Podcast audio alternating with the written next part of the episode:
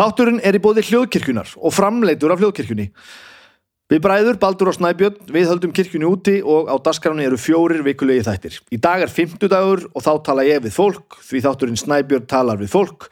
Detturinn á veiturnar alla fymtudaga. Á morgun er það besta platan, þar sem við bræður tölum um bestu plötu hljómsvita og tónlistarfólks með hjálp frá doktor Arnari Egerti Tórótsen.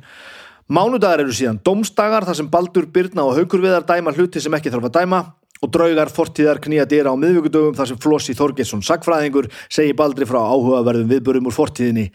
En eins og áður sagði er 50 dagar í dag og þá er það þátturinn Snæbjörn talar við fólk. Þetta er þátturinn Snæbjörn talar við fólk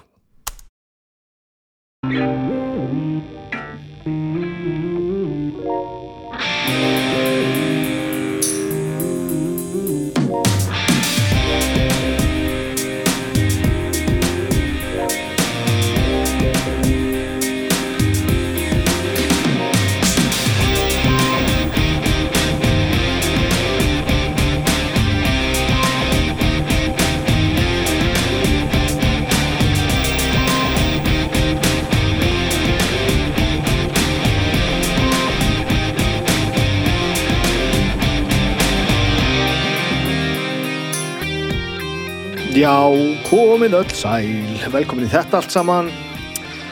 Ég heiti Snæbjörn Ragnarsson, þetta er þátturum minn Snæbjörn tala við fólk. Ég er hér þriðju vikuna rauð að tala frá Húsavík.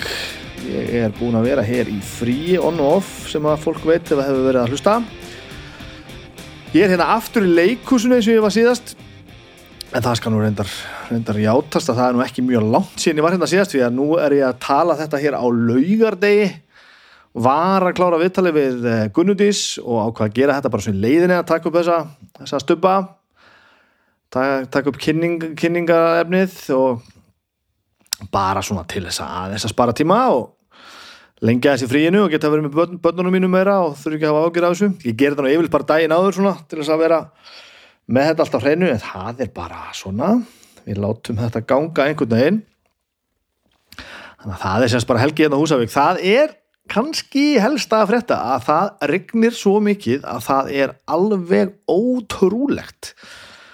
Að regna núna í dag og gær á först ári gær og þá byrjaði að regna og ringdi og ringdi og ringdi og ringdi og þetta svona lígur aðeins saman maður horfður út úr gluggan og þá svona þá hérna lítur þetta bara út fyrir að vera svona þokkalega regning svo kemur út og þetta er alveg fáránlegt. Og svo því ég kom út aftur í morgun þá er ekki nómið að að regning hættur allt orðið svo gegn blött og þungt og gegn sósi og allir einhvern veginn bara allir, allir götur löðrandi og, og öll ræsi full og, og, og búðar á einn bæjar, bæjar á einn sem rennur hindi gegnum miðan bæinn hún e, fór bara yfir bakka sinna og hér flæði bara vatnum allt og ég sá að það var, var einhver tækabíl frá slökkviliðinu eitthvað að redda þessu. Þetta eru bara, þetta eru hamfaris, það er ekkit öru vísi og ég kom hinga e, í morgun og búin að mæla mig mót við Gunnudís, ég hef nú verið hérna komið aðgang á húsinu. Og það er svona það er svona likla hús hérna utan á, ut, ut, utan á húsinu sem ég fekk bara kóðan á og, og græða þetta þessum daginn kom hérna. Síðan þá hefur enginn komið en mér hafi tekist eitthvað að fokka hlutunum eitthvað upp þannig að, að, að hérna likla húsið opnaðist ekki þegar ég kom. Og það var svo mikil regning og ég stóð út í kannski svona 90 sekundur að reyna að komast inn í, inn í liklahúsið og ég var gjörsamlega gegndrepa alveg. Og svo náttúrulega bara með hjálp, hjálp uh, góðra einstaklinga þá fekk ég bara annan likil og komst hérna inn og er nú sem betur við búin að bæta fyrir syndi mínar búin að finna hér verkværi í, í verkværi kistum leikhúsins og, og græja liklahúsið ég hefði bara lokaði sig eitthvað villust þannig að þetta var allt í stegg það er nú allavega komið í lag ég er ekki hérna, það er ekki að skilja eftir mig allt, allt ónýtt sem var í frekar slæmlaun með að það fengi að vera hérna. Nýtaðastöðun í þetta. Þetta er, þetta er hansi gott, en eftir þetta var þetta gott. Ég stilt upp hérna, tók viðtalið við Gunnudís og við fórum bara út í bakari sem er hérna heila alveg beint á móti. Náðum við satt að vera haugblöta því, náðum okkur í kaffi og, og eftir að hún fór svo fór ég og sótti mér annan kaffibódla og eitt kúmenhótt já, herðu, kúmenhótt það er nú bara gott að reynsu pennamiskiling ég, ég, ég komist að því minni, á minni æfi að það sem við höfum kallað kúmenhótt frá upphafi og gerum hér á Húsavík, þetta er eitthvað sem allir hinnir, já í það minnst að höfuborgarsvæði spúar kalla kringlur. Kringlur eru hörð kúminhátt það, það, það er svona sem þú dýfir í kakóið eða kaffið eða eitthvað sem er svona hart eins og um, sem eru kannski bara tvíböku hot eða eitthvað, ég veit ekki ég að vona ég vona að ég það minnst að kringlur séu ekki bara kúminhátt sem að fengi að býða geðið lengi að vera hörð, það var mjög skytið en svo það sé nú alveg á hreinu þá Sé, já, svo það sé nú alveg sagt og sé á kristal, kristal, kristaltæru þá er þetta, heita þetta kúmen hotn þetta sem þið kallir kringlur. Um, ég ætla að fara heim á morgun til Reykjavíkur. Ég ætla að ætla að mæti vinnun á móndaginn og bara koma lífin eitthvað aðeins í í réttar í skorður, krakkarnir og Agnes verða hérna eftir allavega eitthvað, eitthvað til að byrja með og við sjáum svo bara hvernig sumari fer. Og það eru tónleikar hérna á gamla bögum með Káká í kvöld sem ég ætla að fara á. Tekka á, þeim mikla meistara. Uh, nú ekki langt síðan hitti Káká síðast. Þið geti farið á, á Facebooku hjá, hérna, hjá hljófarhásinu og hort þar á, á, á viðtal sem að ég tók við það fyrir einhverjum vikum og mánuðum síðan sem endaði mitt með því að, að Baldur bróður minn og, og Jón Kjartan tóku með hún á lægi því hérna í Já, bara í beinni, þetta var allt saman í beinni. En þetta hangir hann inni, þið farið og, og skoðið vídeo, vídeo hérna eh, vídeoin hjá hljófara ás Facebookinu þá sjáu ég það. Það var skemmtilegt viðtal um, Gunnardís, já, hún kom hérna og gerði allt sem hún mögulega gætt til þess að finna tíma til að tala við mig og það var um, þetta, þetta var ótrúlega viðtal. Hún, það, það er bara einn stilling á Gunnardís held ég, það er onn og hún mætti hérna, við settum með kaffið og hún setti bara á on. Og við tölum og tölum og þetta var alveg þetta var alveg meistarlegt Æ, hún er búin að vera aðeins úr sviðsljósinu uh, undanfærin já, undanfærin ári eiginlega. Þannig að hún hefur ekki mikið verið í því að hérna, að hvorki að taka viðtölun eða veita viðtölun, þannig að þetta var að vera þessi gaman að fara yfir þetta. Og svona gaman að sjá hvernig hún er hvernig hún er búin að koma lífinu fyrir akkur núna. Það var um nóg að tala og hún saði mikið og hún saði mikið og skemmtilegt. Ég held ég þurfu ekkert að töða meira af það hérna, ég held að við skulum bara bara spóla hérna tvo tíma aftur í tvo, tvo klukkutíma aftur í tíman og, og heyra það sem ég og Gunnandís höfum að segja. Hérna rétt á. Þetta er ég og Gunnandís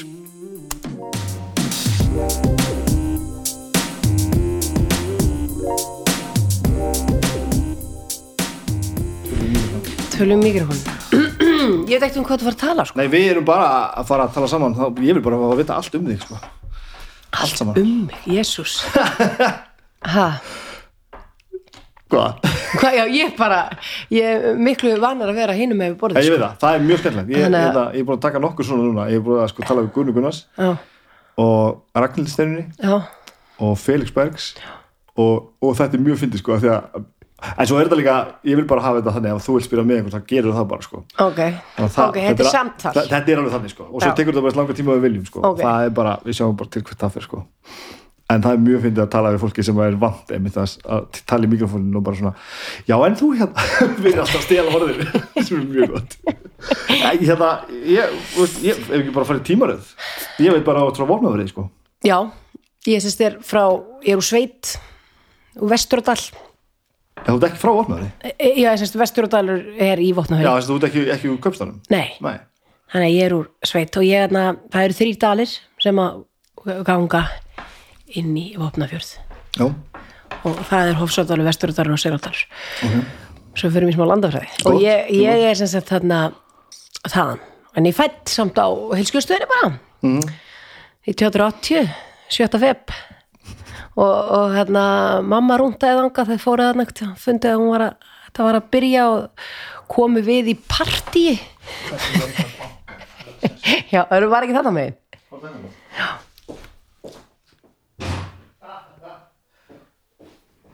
Var þetta bönni? Já, bílukla börnum mín, kona mín bara er niður rýmt Já. En svo, er þetta, svo erum við ekki beinni sko, þannig að þetta, þetta má í þessu sko.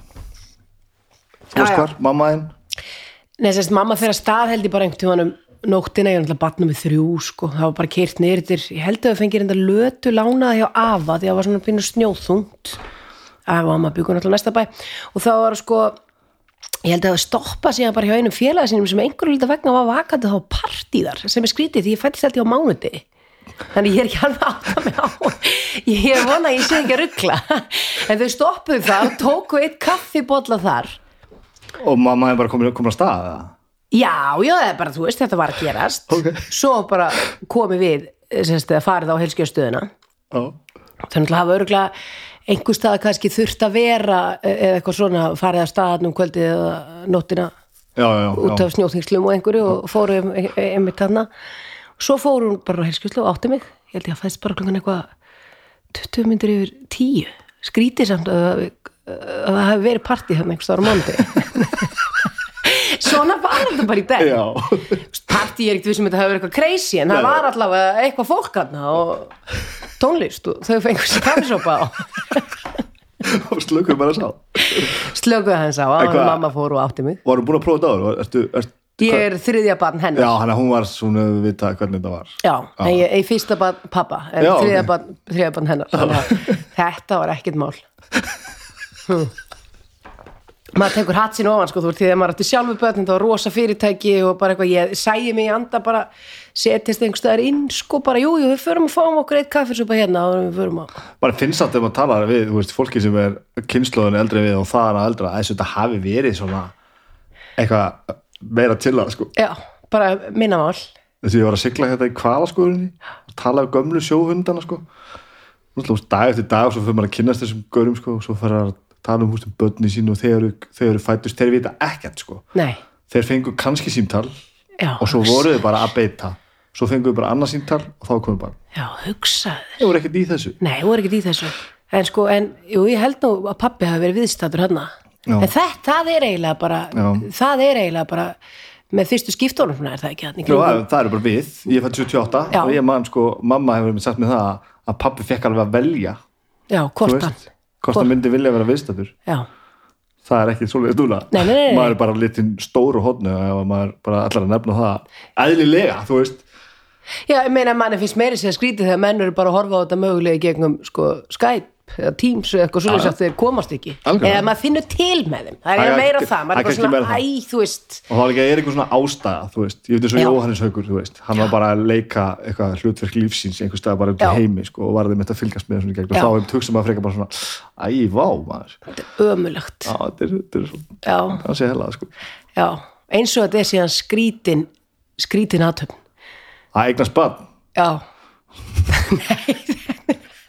þetta er bara einhvern veginn allt sem þarna gerist einhvern veginn er alveg rosalega skrítin þetta er allt svo skrítið.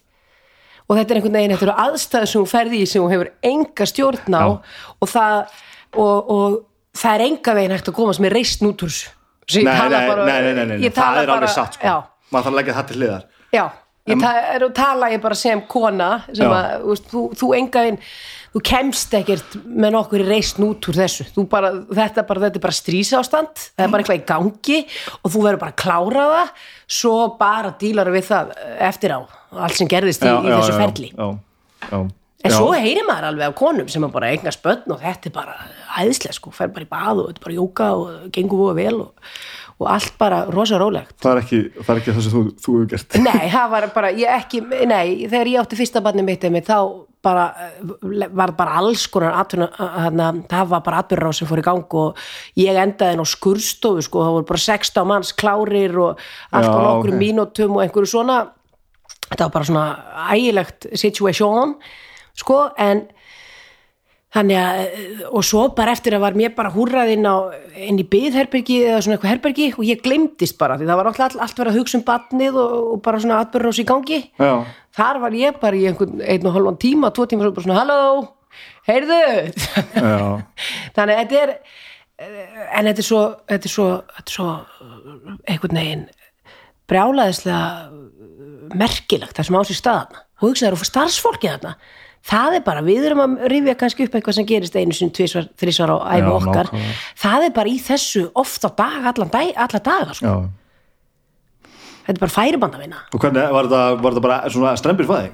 Já, þetta var mjög strempi fæðing með sérst þarna elstu dóttur mína þá þarna lendu við sérst bara í því að, að það gekk ekkert eh, sérst gekk bara illa eða hún kom bara ekkert út hún var uh, alltaf að tala um að einhver sveppur á hann ég skildi ekkert, við, þetta var fyrsta bad við skildum ekkert þessi sveppur þýtti þá var hún bara búin að uh, var hún bara sem sagt, skorða sér skökk. Já, svo við förum bara alveg í lífræðina hérna. Akkurat. Við- þannig að hún komst ekkit út og svo bara var allt byrjað að falla hérsláttur og annað, þannig að þá var það bara ak út og einmitt það er svo meistarlegt bara á einhverjum 15 mínútum eru bara konið 16 manns inn á skurstofu og hún komin út en hún kom út með eðlilegum hætti sko, það þurfti ekki að skera mig en, en eh, viðbragðið er alveg geggjað Ég er bara, ég, ég hef upplegað bara alveg nákvæmlega saman Fyrsta Já. barnið okkar, fyrir barnið okkar Það var bara að fóra allt til anskotan sko. já, Og það var einmitt bara frá því að vera ógeðslega til að fallegt og svona eitthvað svona, já, hugsa eitthvað svona, já, sjá, það var kannski allt sem mann eðlilegt já, sko.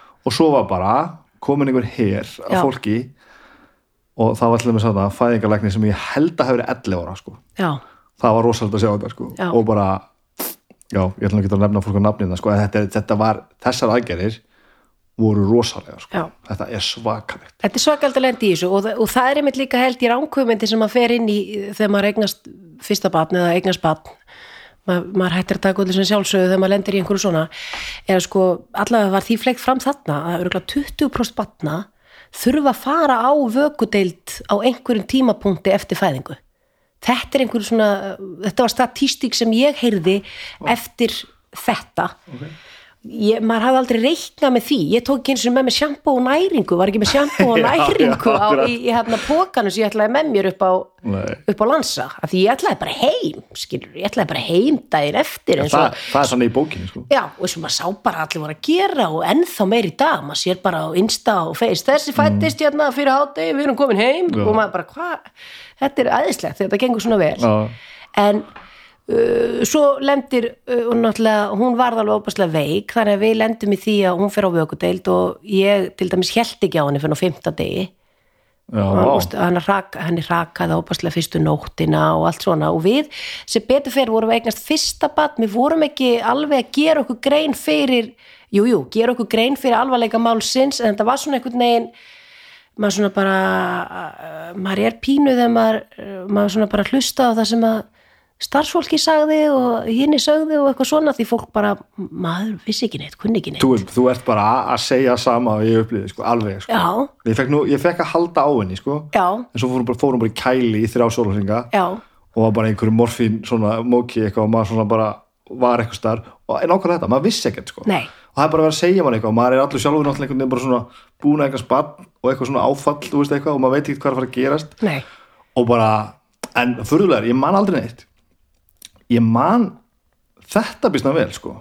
Ég, og það hefði komið það og, og ég, svona, það er svona valdar minningar sko. ég man eftir þessu vökudeldar öllu sem hann öllu sem gerðist og allt sem að og ég fylgdist ægilega vel með og var ægilega svona rólegur og yfirvegar svo var skipulæðinu ekki betri svo að hérna, ljótu hálfvitandi voru að spila í hérna, tveimur dögum eftir fæðingu eða eitthvað. Og þá náttúrulega var bara stelpum bara í kæli og, og hérna og ég fó bara á að spila þetta daginn eftir sko. þetta var, þetta var fáránlegt. Og það, minn almáttur og eftir þeim tónleikum man ég ekki neitt. Nei. ég man eftir að koma inn í húsið og ég alveg man ekkert með það sko.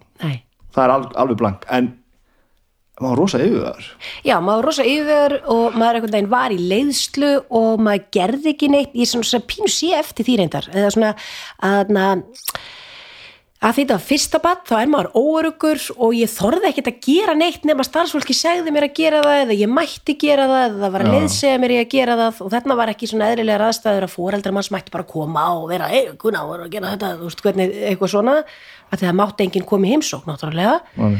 þannig að eh, hefði þetta verið bara nummer 2 eða 3 þá hefði maður svona bara meira tekið að skari sjálfur einhvern veginn og já, já, já, þarna var maður meira bara svona að passa já, já, já, okkurlega þetta var rosa, já, því maður vissi ekkert hvar maður stóð hvað maður mátti, hverju maður réði. Ræð ég hérna á vöggudeild, ræður þessi hérna á vöggudeild og allt þetta? Já, En svo við fórum út á spítalinum uh, nýju dögum, eftir við vorum nýju daga þar, Já, eða sérst hún var þar í nýju daga, við þurftum að fara fyrr, er líka skrítið, að fara fyrr heim og mm barnið kom ekki með heim. Og þessu lendan alltaf bara, bara mjög margir í. Já, já, einmitt. Og þetta er eitthvað svona sem að maður er aldrei preppaður undir og svo þannig að sko þá svona einhvern veginn hófst þetta bara allt saman. Og fáránlega er að þú labbaði bara út og sagðir, heyrðu, og ég borga eitthvað? Nei, nei, nei, og maður bara heyrði ok, takk. Þú já, veist, bara, já, já bara nákvæmlega, nákvæmlega. Þið voru að bjarga lífi bassins míns, þið björguðu lífi mínu. Mhm. -hmm. hefði ég verið að lendi í þessu fyrir einhverjum uh, fyrir hundra árum þá hefði ég náttúrulega bara dáið. Það er náttúrulega örugt já. og allt þetta þannig að þetta er við, við vannmetum þetta kannski hvað við höfum þetta, höfum það óbærslega gott. Já, þú veist, það, það er, ég er alltaf mjög erfitt með þetta eru rosalega líka sögur, sko, það er svo margt sem þetta segja sem ég tengi við, ég er alltaf mjög erfitt með að að gúttir að það bara, þú veist, já, við ætlum bara að eignast heima. Það hefði allt farið til fucking helvítis Já. ef við höfum ákveðið það að eignast barnið heima, það, það hefði bara endað mjög illa. Já, þetta er eins og, og það er náttúrulega, það er örgulega bara fólk eins og við sem að höfum lent í einhverju svona Auðvitað, sem já, að já. bara erum brend sem að myndum aldrei taka sjensin á að fæða heima. Ég tók ekki einu sinni sjensin á því, ég þurfti bara alveg að, eftir þetta, ég fekk alveg svona, ég þurfti alveg að leita mér, fara í svona sálfræði, fá, fá sálfræðastóð og Já, alls við konar svona. það- gerum það alveg. Þetta er kannski, einmitt, kannski er þetta því að ég veit ekki hvað, við erum eitthvað krútkynslu sem bara uh, megum ekki neitt, en við, ég þurfti allavega að, að bara vinna þetta aldrei úr þessu og ég treysti mér ekki til þess og var svona svolítið kvíðin á sagt, setni meðgöngu, allavega annari meðgöngunni, allavega vel af því að ég einhvern veginn var ekki vissum að það myndi fara vel. Nei, Ma, maður fær einhvern svona maður, maður fær svona ótta. Auðvitað óttast það allir að missa börni sín en, en þarna var maður bara ennrættari og ég til dæmis bara fór í keisar, fór í valkeisara með setni mín, já, bara og það til dæmis, en það var að vel ígrunduðu máli og ég tók ekki loka ákvörnum það bara fyrir en alveg í, í restina og en það var alveg haldið í hendina á manni samt með þetta allt saman líka. Já, ekki það yfirvöld eða heilbis yfirvöld sé eitthvað hvetja konur í keisara en manni stóða þó til bóða ef maður tristi sér bara enga veginn í annað sko. Já, ég held að þetta hafi komið til þalsi okkur líka, þannig að ég munið algjörlega, sko. Þannig að, að því að og þá var ég ekki að hugsa um sjálfa mig í því sambandi, ég var að hugsa um að ég þyrði ekki að leggja þennan hlut sem að er, jú, talað um sem hættulegst að ferðala lífs einhvers, lífsfólks þegar það er að bara koma í heiminn, en ég var bara eitthvað svo hrætt um að, leggja það á börnin. Já, já, og sem að, já, ég veit ekki það, fólki finnst það kannski skrítið því að, því að við, við komum öll þessa leið sko. maður læri samt eitt þegar maður lendir í svona sko, að, að, að, að þeim sem finnst þetta skrítið þeim verður þú bara að fá að finnst þetta skrítið Já, já. að því að þú, ég held þú getur ekkert sko metið þetta utanfrá. Nei, nei, það er bara alveg eins og okkur finnst skrítið að kjósa það að velja að fæða heima. Já, en, en, en, það er bara frábært ef fólk tristir sér í það ef að það hefur Auðvitað. Mhm. góða reynslu af öllu og bara æðislegt. En, en ég veit að við varum allavega ekki hér hvorki ég en ég frumburu minn ef að ég hefði farið í eitthvað svoleiðis.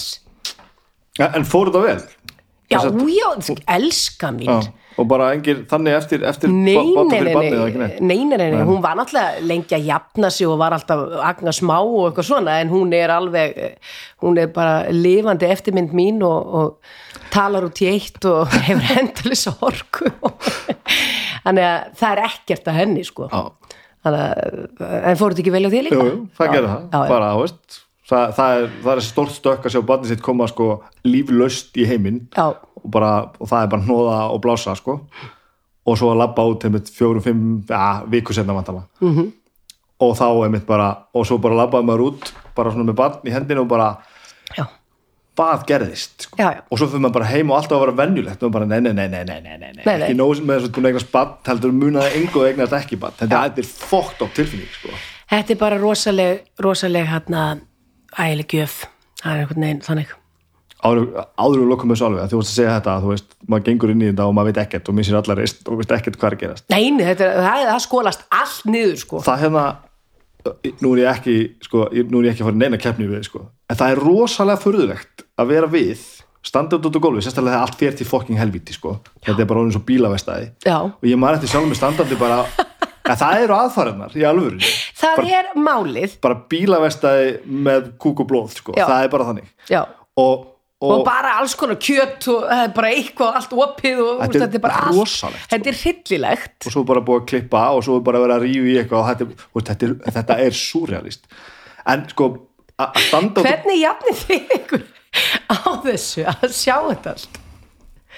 Sko ég er einhvern veginn þannig gerður að sko alltaf auðvitað að segja þetta eftir á þetta, gekk, veist, þetta fór vel sko að ég er alveg pínu gladur að hafa upplifað þetta Já, þú veist, ekkert á öllu lefur, ég hefði viljað sleppa þessu skilur en, en fyrst þetta gerðist þá var ég alveg ég, ég alveg náði að setja þetta í reynslubankan og, og, og ég, ég er búin að sjá eitthvað sem að, kannski flesti sjá ekkert og ég einhvern veginn sigraði svolítið á þessu ég man þetta var, þetta var störlað sko.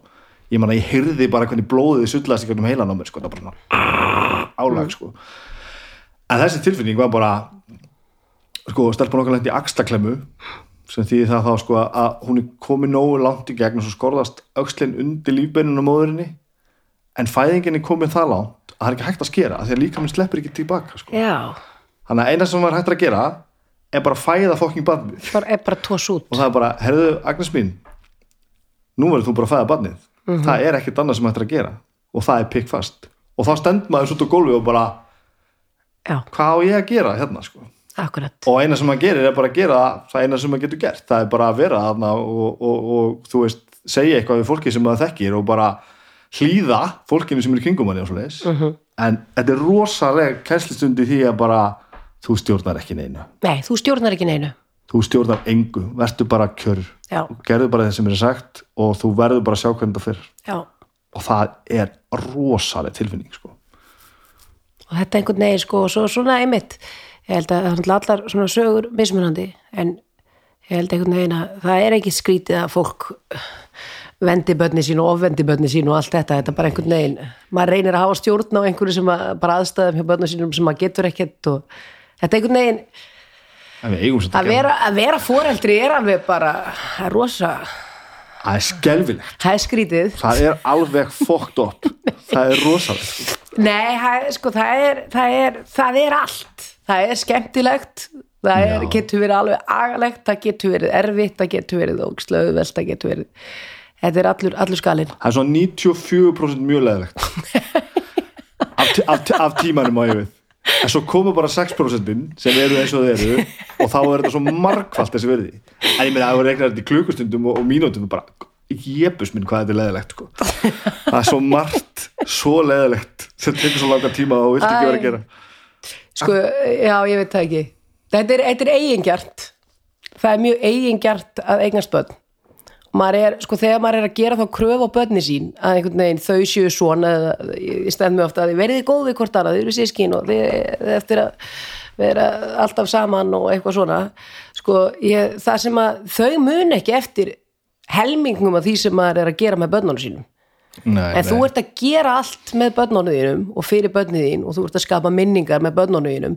Þetta er eiginlega mest megnir eitthvað sem situr eftir í kollinum á þér. Já. þetta er eigingjarn, þú ert bara að gera eitthvað fyrir sjálfa þig. Já. og ert að upplifa þessa röss tilfinningu sem er að eiga barn og vera að gera hluti og bara svona, þetta er gaman, þetta er leðilegt og allan skalan og, eitthvað svona. Þau mun ekki neitt. Nei. og svo einmitt, farið líka móralinn Já. ó, ég var of leiðileg þarna eða ég var of ströng þarna eða æ, ég er með endalösa móra, hún er alltaf fúl og uh, eitthvað svona. Þau mun ekki munna þetta. Nei. þú manst þetta, þannig að þetta er bara basically eitthvað sem þú ert að gera fyrir sjálfa þig. Þetta er svona, já, þetta er eitthvað slags maður er fyrir, kannski samt líka að stefna að því að að barnið sé eins vel Gert. undir þetta búið og hægt já, er, sko. já, já, já, þú allt sem þú gerir, ertu náttúrulega að gera af því þú ert að byggja einhvern grunn og þú vilt að út úr þessu komi nokkuð heilsteift og góð manneskja já. og það mun skila sér Eh, ég hef allavega fulla trú á því Við verðum Þú að trúa því. já, við verðum að trúa því að þú veist, við erum að búa til bakland eða erum bara erum bakland og við erum að búa til svona heilstifta og reyna að gera heilstifta og góða mannesku sem að mun, já, skilja mun og rétt og raungu og bara vera með sín gildi í lægi og allt þetta og, og ef það tekst, þá tókst þér bara nokkuð vel til, sko já, já, já, ég er bara ég er svona fullkomlega saman bara aðri markmið eru ekki þarna sko. bara, já, ég vil bara þú sett komin á þann stað ert komin ákveðin aldur og ég geti bara sleppt þér sko. en svo á maður aldrei eftir að sleppa Nei, nei. aldrei, sko. nei, nei það er ekki þannig sko. Þú veist, ég er enn að hugsa um þegar við komumst í helgaferð til Döblin bara tvö, nei nú er ég bara að segja Döblin ég er bara að segja helgaferð einhvert, bara tvö. Það kannski þetta svona tíu ár getum við gert það móralslust, þú veist, þá er ég ekki að dömpa börnunum mínum á einhvern þannig að þú veist, það er svona, æ, þú veist, oh, maður alltaf emma að gera það, setja færið þau í pössunni eitthvað og maður alltaf svona pínu móral, æ, þú veist móral hafa, þú veist, fyrir þau sem eru með þau í pössun og svona, ég ætli, mamma pappi sér um þreytt og eitthvað svona skilur hvað við. En móralslaust eftir tíu ár en svo og til eftir tíu ár. Þá ertu mögulega komið barnabönd og þá er kannski einhver búin að segja, mamma, viltu passa um helgi? Nei, veistu, við pappiðin ætlum bara í helgafært í Dublin.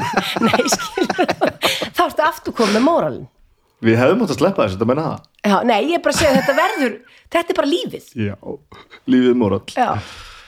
Þetta gengur vel sko, við erum á fæðingadeldinni þar sem þú fættist á vopnafriði Þetta gengur mjög Þetta illa hjá okkur. þetta gengur mjög vel, ég er mjög ánægð með þetta Já, ég fæðist þar sem sagt, það er nú kannski ekki mikið að segja því eins og, eins og við vorum að ræða, maður man nú ekki allt sem gerist í æsku, en ég eh, elst upp á, sem sagt, eh, þarna bara á bóndabæ, ég bara dótti, búfræðings og, og, og móður mín var heimavendu húsmóður Ok, úr 101 Reykjavík sem að hann og fjárbú eða- já, já, já, bara 520 er gildi kallið minn. Ekkert minna? Nei, nei, Ok, afi var hérna með kýr og svo voru þarna nokkur hross ég hefði rosa gaman að fara í útröðatúra og svo tókum við þátt í refaæfintýri það voru djúðsmistök já Lóðdýraræktin. all- Þegar allir byggður hérna helvítis lönguhúsin og... já, já, alveg fallegu minnisvarði á, á öðrum hverjum bæ. E, e, og það náttúrulega e, var svona það mista ekki fallegu búskapur. Lóðdýra búskapurinn ég var mjög ósátt alltaf við hann. Ok, já, aðferðnar sem voru beitt þar og allt þetta. Já, en já, ég er þarna bara og ég gengi í vopnfjörðaskóla og ég bara, sko, eðlega batn ég var, ég var, daldið, ég var ákveðin ég var, ég eins og ég, á þrjá bræður, ég var kjaftfor. Ef einhver sagði eitthvað við mig, sko, þú veist, þá var ég mjög kjaftfor tilbaka, sko, og allt þetta. Og bara frá upphafið það já, ég stóð bara alltaf á mínu. Þú veist, þarna og, og, og, og, og já, ég gaf ekkert eftir því en það meina maður, maður þetta bara maður er þrjá bræður sko. Já, já, akkurat. Þú ætti bara að standa á þínu. Já, en þú ert bara, þú veist, þú, þú ert þá bara alin upp við það að, gegna skeppnum og, já, og ég læra traktor 11 ára Já, og þú veist, og, og bara nætuvöktum í söðburði þegar ég var bara byrjað þar 8-9 ára og, og, og, og var svo bara, þú veist tók litla bróðum með mér þegar ég var á 11 ára. Þetta var bara, ég var bara í, í þessu öllu. Byrju, hvernig var það með, allt þetta lóðdýra, lóðdýra mál uh, skáru bændur þá bara niður fjárstofnin og gerðu þetta, gerðu þetta sam, Nei, nei, samhliða? þetta var allt gert með sko. Já, já, ok.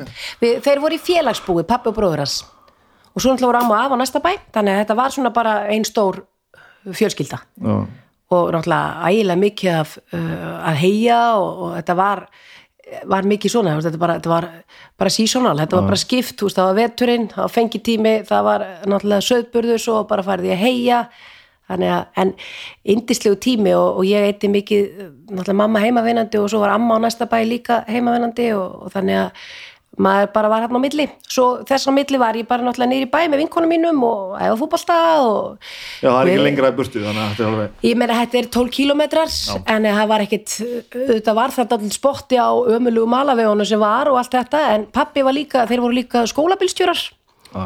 þannig, eh, meina, það lifði enginn á söðfabúskap einum og sér sko. Nei, nei, hefur nei, aldrei gert og, og gerir ekki enn sko þannig að þeir voru skólabilstjórar líka þannig að maður var þarna í fara nýri bæ alltaf og svona.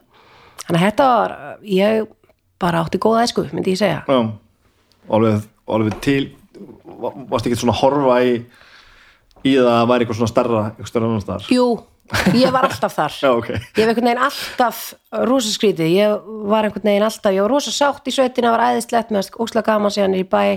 Uh, síðan bara þegar ég var það kom aldrei til greina þegar ég er í 16 fær ég heimann til þess að fara í skóla. Já, ok. Þannig að ég fór að heimann í skóla, mér var bara skutlað og fór í mentaskólan Akurey fór vistir eitt ár. Og eftir mentaskólan ég var þar í fjögur ár þá bara daginn eftir útskrift flutti ég til Reykjavíkur. Þetta var alltaf svona sko, ég ætlaði alltaf að fara eitthvað það ætlaði alltaf að vera eitthvað starra meira, Og alltaf svona eftir á bara að þetta hafi var þetta þá bara þannig, þú, þú ætlaðir alltaf bara að fara áfram bara, alltaf. Já, ok. Já, já, já, já. ég meiri segi, ég man eftir mér sko þegar ég var 15 ára ég, ég var góðu nefandi í grunnskóla. Og opbáslega samiskusum og allt þetta sko. Og hérna innbeitt og ég eh, ætlaði meiri segja að ég var búin að semja rítgerða því mér langaði, mér langaði svo geðvitt að fara í Cambridge eða eitthvað svona. Já, ok. Mér langaði bara strax þangað. Já, já. Einhvern svona hva- þannig mentaskóla og eitthvað. Veistu hvaðan það kemur? Nei, þarna var ég bara svona inn í herbyggi bara að fantasía um eitthvað svona. Þú bara væri úkslega gaman að fara allalið, þú veist, til útlanda og eitthvað, ég veit ekki af hverju ég, ég var svona, það var einhver Ævintramennska, frama eitthvað? Eh, Bæði held ég. Já. Það langar bara hvað að fara út og eitthvað. En svo náttúrulega fór ég til Cambridge. Veist, ég, ég, seg, ég sendi ekkert inn einhverju umsökk um það. Og við fór bara í mennskóla einhverju, næstu bara við. Já. En einhvern veginn ekki takt að eh, þú veist, svo, já, já, maður var líka bara það bara, eh, maður er bara síns tíma. 95-6 þú veit ekki að henda þér í rándýran engaskóla í útlöndum. Nei, nei, nei, nei, nei. Og þú, þannig að þú ert svona þú ert svona frekar mikið fyrirmyndabann sem sagt. Ég var það, þar til ég fór í mentaskólan Ég var að fara að spyrja því að því að ég, það, er, það er svo oft svona. Við sem voru fyrirmyndabann það fer oft eitthvað til helvítis þegar Já, já, já, ég var fyrirmyndabatn, ég fekk tíu öllu og, uh, jú, og ef ég fekk tíu, fekk ég níu fimm eða, og og eitthvað svona, ég var alveg þarna. Já. fór með nefndar ás og, bara neymit, smakka ekki áfengi og þetta var bara allt svona, svona, aldrei að segja mér að læra og allt þetta. En svo fór ég í mentaskólan og þarna það var rosa gaman. Og þarna þá breytist lundir aðeins. Mid-90 sko. E- Já, er 2000, nei 96 segi ég, já. Þá náttúrulega voru við svo hettna stelpunar sko sem að vorum að koma, fórum fjóra saman. Og við náttúrulega vorum svo hettna með það að þarna, uh, við náttúrulega vissi ekki á akkur hvað við vorum ganar. Við gáttum náttúrulega runni bara lóðbendin í sjallan og við bara fórum bara strax nángað og það var svona mi- minn- mitt annað heimili hérna næstu árin. Sjálfinn sjallinn og dátinn og allt þetta fimm í fött og fimmtutugum og, og alls konar. Við oft gantast með það að ég ætlaði á málabraut það var líka eitt, ég ætlaði á málabraut að því mér langaði að læra tungumál af því að það var þessi þú veist þessi þrá að fara eitthvað lengra sko, mm. mér langaði að læra hann. Ég var í, ég þurfti bara strax eftir áramót í fyrsta bekka hætta við þetta allt saman því að ég uh, sagt uh, franska var á föstudagsmótnum strax á eftir náttúrulega ég á fimmtutugum fórum við fimm í fött á dátarum þannig að það skólaðist bara, bara fór bara down the drain af því að ég náttúrulega var ekkert að ná að mæta í frönskuna þarna á föstudagsmótnum á þessum ömulega tíma. Já, og svo þegar ég mætti þá tók kennari minn dálítið fyrir. Og ég bara sjumapel bara bara, bara, bara kunni ekki neitt sko. Kunni ekki neitt. Ælu skellur náttúrulega að fara úr því að fá sko bara tíu öllu. Og, og bara þetta var rosalett og þannig að þarna bara þurfti ég bara að heyri, já ok, fer það bara félagsröðbrödd og gerður það svo já, já, já.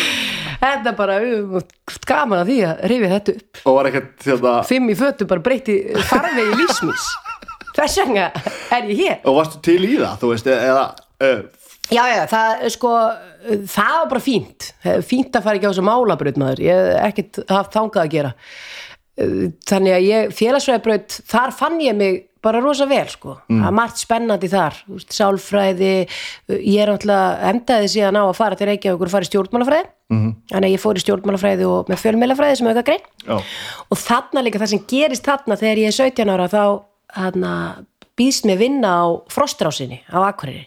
Já, og já, það er bara, bara að byrja þessu þarna strax. Já, 97 bara ég hitti þarna mann menn á djamminu og, og, og þarna segi, henni mér langar svo að vinna í útvarpi. Þeir bara, já flottar öll, ég bara, já. Bara, akkur bara kíkir ekki á okkur? Meinti ekkert með því, ég mætti bara. Svo var ég bara byrjuð. Og, og þarna var frostrásin sko þarna var hún bara var- algjörlega málið. Þetta var risa stöð á þessum tíma. Á þessum tíma náttúrulega var átt að því að þarna var ekki neitt, þarna var rástvö ungt fólk var kannski ekki að hlusta á rástvö á þessum tíma. Fólk á mínum aldrei þarna. Og akkurir, ég man ekkert 97 var Mono komið, ég held að hún hafi ekki náðist tangað FM 957 jú, hvort hún náðist tangað þú veist, þú voru átt að þetta var náttúrulega bara skipt, þetta var bara svæði stöðin fyrir akkurir akkurat. Þannig að þarna var maður sko alls svalur að vera að vinna á, á frostrásinni Já, ég man að það var bara síðasta sem ég gerði var að skipta fróstrásuna, sko. Ég var alveg hinu mjög kurvinni. Já, þú verið algjörlega hinum með kurun ég skil það vel Var þetta, þetta var alveg gefa pizza heila, heila tíma, Að bara, ekki, bara þetta, þetta var náttúrulega bara pizza radio par excellence og, og þarna lærði maður margt sko ég og maður var að keira auðlýsingar á svona litlum disketum og þú veist, þú, þú, þú náttúrulega spilaðir ekkit úr tölvum og, menn það voru ekkit interneti var ekkit orðið stórt þarna maður var bara með Cosmopolitan blöð sem hafa var að lesa upp úr einhverja fréttir og Það var einhver daskágerð, þú veist, var- varstu, varstu, var þetta ekki dæ, þetta var aðalega svona dægumála, bara, Já, já, það, nei, ég var nú byrjaði náttúrulega bara kvöldin, þannig að maður var bara svona með kvöldtætti og með kvöldtætti og sunnudögum og fimmtudögum og eitthvað svona, sko. Þannig að, þú veist, maður var bara að spila, ráð fyrir stelpunnar og þú veist, þetta var allt þarna, sko. Þannig að þarna einhvern veginn var ég, ég held ég að verið þarna bara öll sveimi þá, öll mentaskóra árin einhvern veginn, svona eitthvað pínupons með hann á fótir eitthvað. Og, og fór svo bara, fór söður heldur við farið söður bara í svona einhverja kynnisferð þegar við vorum fjórðabæk þá bókaði ég bara strax viðtal við þarna, Rúna Róber sem þá var yfir FM 957 já, og sagði bara, heyrðu ég er að koma í bæinn ég er að koma í bæinn henni í vor með hann að vinnu. Og eitthvað svona. Og þannig byrja, þá byrjaði ég strax á FM bara leiðu hvort í borgina. já, Já, ok. ég er búin að taka, þú getur eiginlega valla þölu upp þá útastuð sem ég hef ekki unnið. Unnið á. Þannig að þá byrjaði ég þar. Já, já. Og síðan já, ég flytt í borgina, ég tek mér ársleiði eh, frá námi. Ok.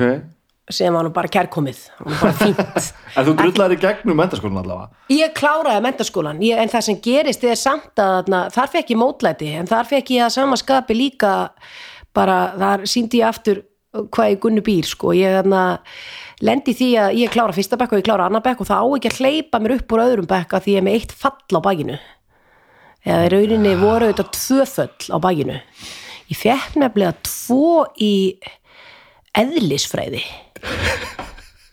Það var ægilegu skellur ég fekk tvo í eðlisfræði á fyrsta ári. Þú getur ímyndaðir, foreldra mínir sem sendu fyrirmynda barnið. Og þetta er náttúrulega fyrir tíma GSM sím og allt. Þau bara reyna, þau heyrðu kannski í mér í tvær vikur veist bara, ég bara, svo bara svaraði maður loksin símanum minn og vistinni í herbygginu halló, mamma bara, sæleskan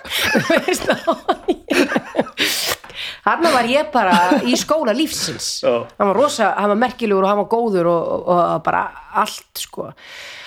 Og jú, jú, ég, meni, ég var að ná allu öðru en eðlisfræði, eh, eða hvort maður hvort á efnafræði, eðlisfræði, það er bara allt þú veist, fyrir mér er það bara, potato, potato þetta er bara hryllilegt, sko, þetta er bara áhengir að þurfa að læra þetta.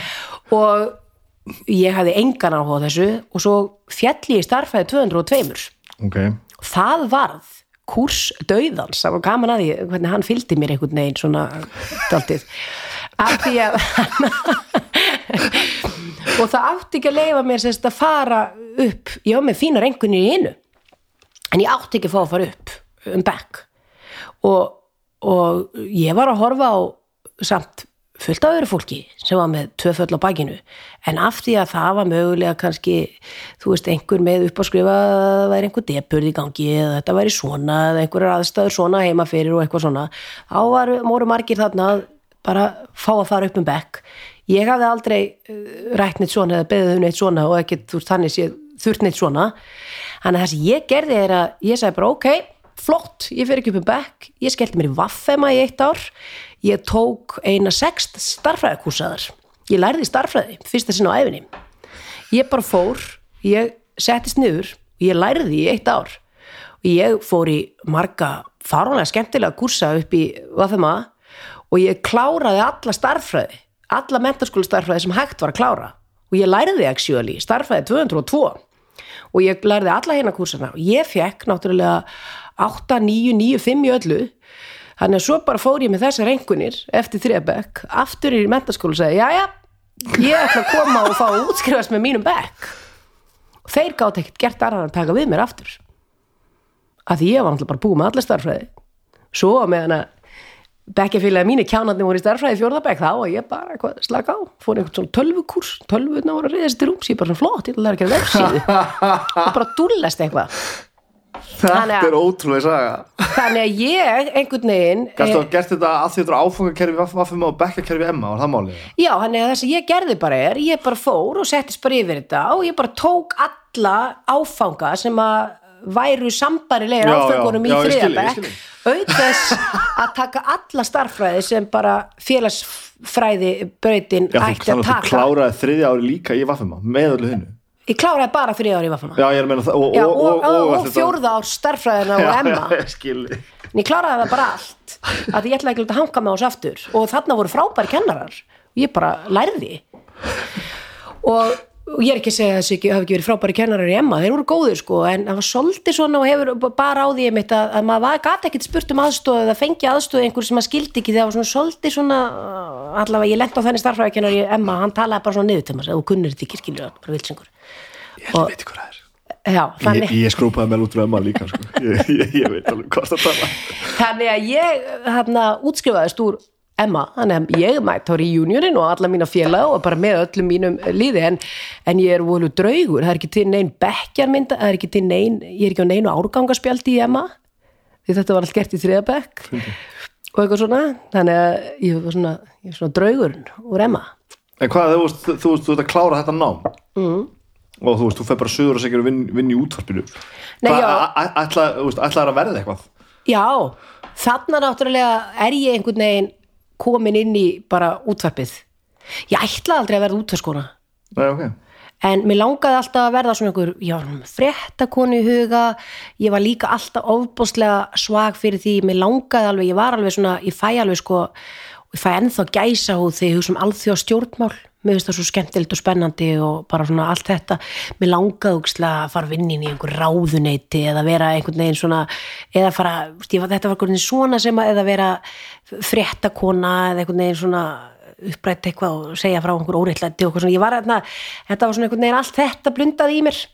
Og, og þetta strax já, já, Já. búið að vera bara þarna síðan ég var þannig séð, þarna badni bara misti aðeins sjónar á þessu þarna í fyrsta árið þegar maður var í hvítu plastbuxunum bara í, í, í sjálfánum Í sko. reif, reifstemningu já, í reifstælingur og hvítu buffalaskónum og öllu þessu. Þú tekið þetta svo dásalega alla leið. Bara allaleg sko. Þú veist plokkaði að mér auðvitað og þetta var bara allt sko. Þannig að en já, þannig þarna langaði um sex að verða eitthvað. En, en, en það var nú ekki allur sjarminn þegar maður fótt í Reykjavíkur sko, ég fótt í Reykjavíkur og þar uh, byrjaði ég, náði ég að á sólbastofu Þetta er alla leið sko. já, að því úst, alveg, ú, erfitt að fá vinnu hann í Reykjavík, 2000 en ég fór að vinna á sólbastofu og, og var, þar í hálft ár hálft ár rúmt og uh, hálft til eitt ár í maður og var að þrýfa upp svita bara og þrýfa bekkina og, og, og, og skapa hára fólki og annað slíkt bara og, og, og var á þessum sólbastofum og var svo svona aðeins uh, svo var ég sett í að fara upp í grafavók að vinna á sólbastofu þar og vera svona yfir nokkrum yngri sem voru þar. Þannig ég tók strætó upp í grafavók frá sko hverfiskötunni á hverjum einsta degi og þetta var alveg bara hræðilegt sko. Þetta tók ógeðslega langan tíma. Alveg agalegt Og hvernig var, veist, hvernig var þá bara að vera komin í borgina Var það eitthvað sem þú vildi bara, vildir alveg gera já, já, já, já. það var bara úst, og, en svo þegar maður lítur tilbaka og sem að djöðs hark var þetta, mm. -hmm. okkur fór maður ekki bara aftur heim, eða fór ekkert á einhvern svona þægilegri stað eða fara aftur á akkurir eða eitthvað, það er eitthvað maður, maður hugsaði það aldrei mm.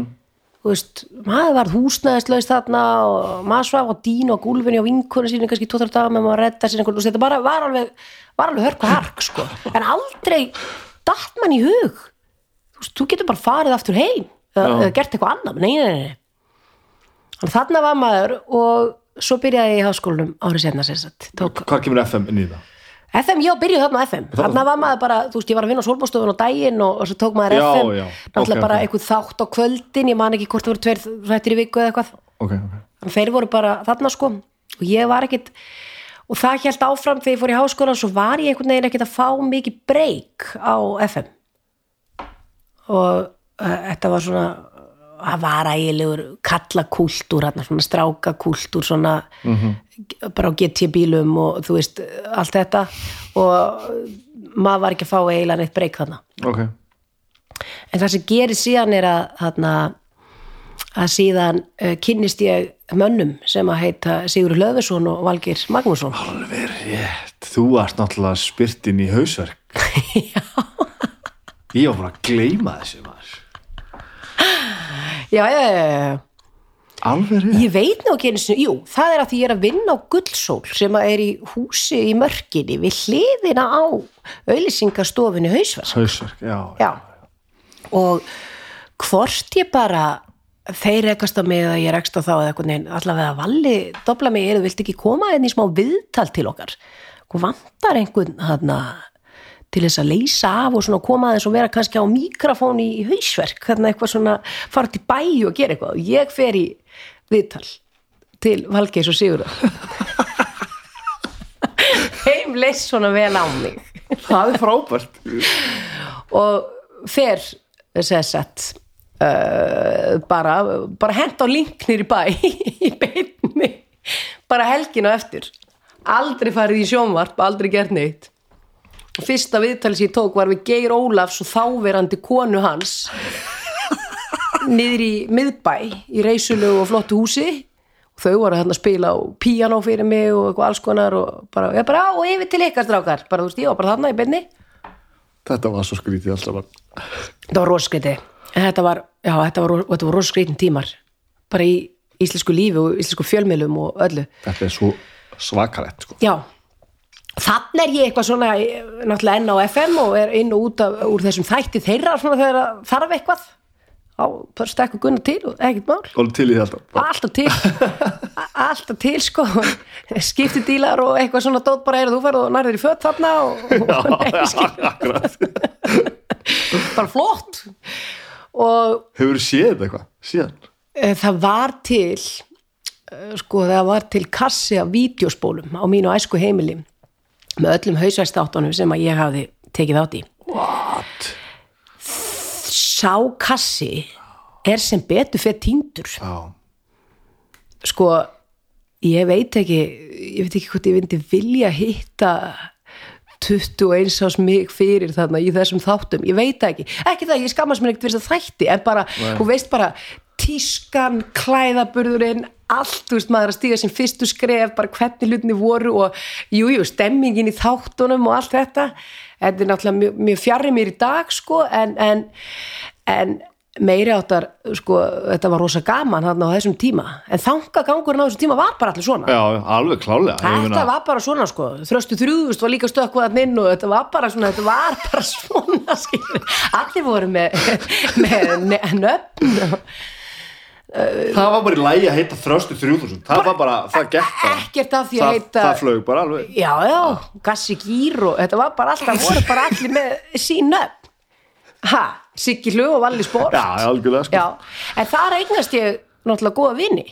Mér Valla og Sigga Já. og við höfum einhvern veginn fylst að. Já. því síðan uh, bjóða þeir mér vinnu um sumarið eftir fyrsta ári mitt í hana, háskólanum og þá eru þeir að fara með þennan morgunþátt byrja með morgunþátt á lítill útastöð sem hétt þá stereo. Já, og þeir vilja fá gunnu sína með. Já, og ok. við förum með morgun út af platna svo endarum taka þeir yfir þessa stereostöð og, og hérna kaupana og hún breytist í Kiss FM já, ég var dasgrástjóri í Kiss FM og, og þarna Dotti Lítli var þar, þar byrjaði Egil Einarsson í útvarpi.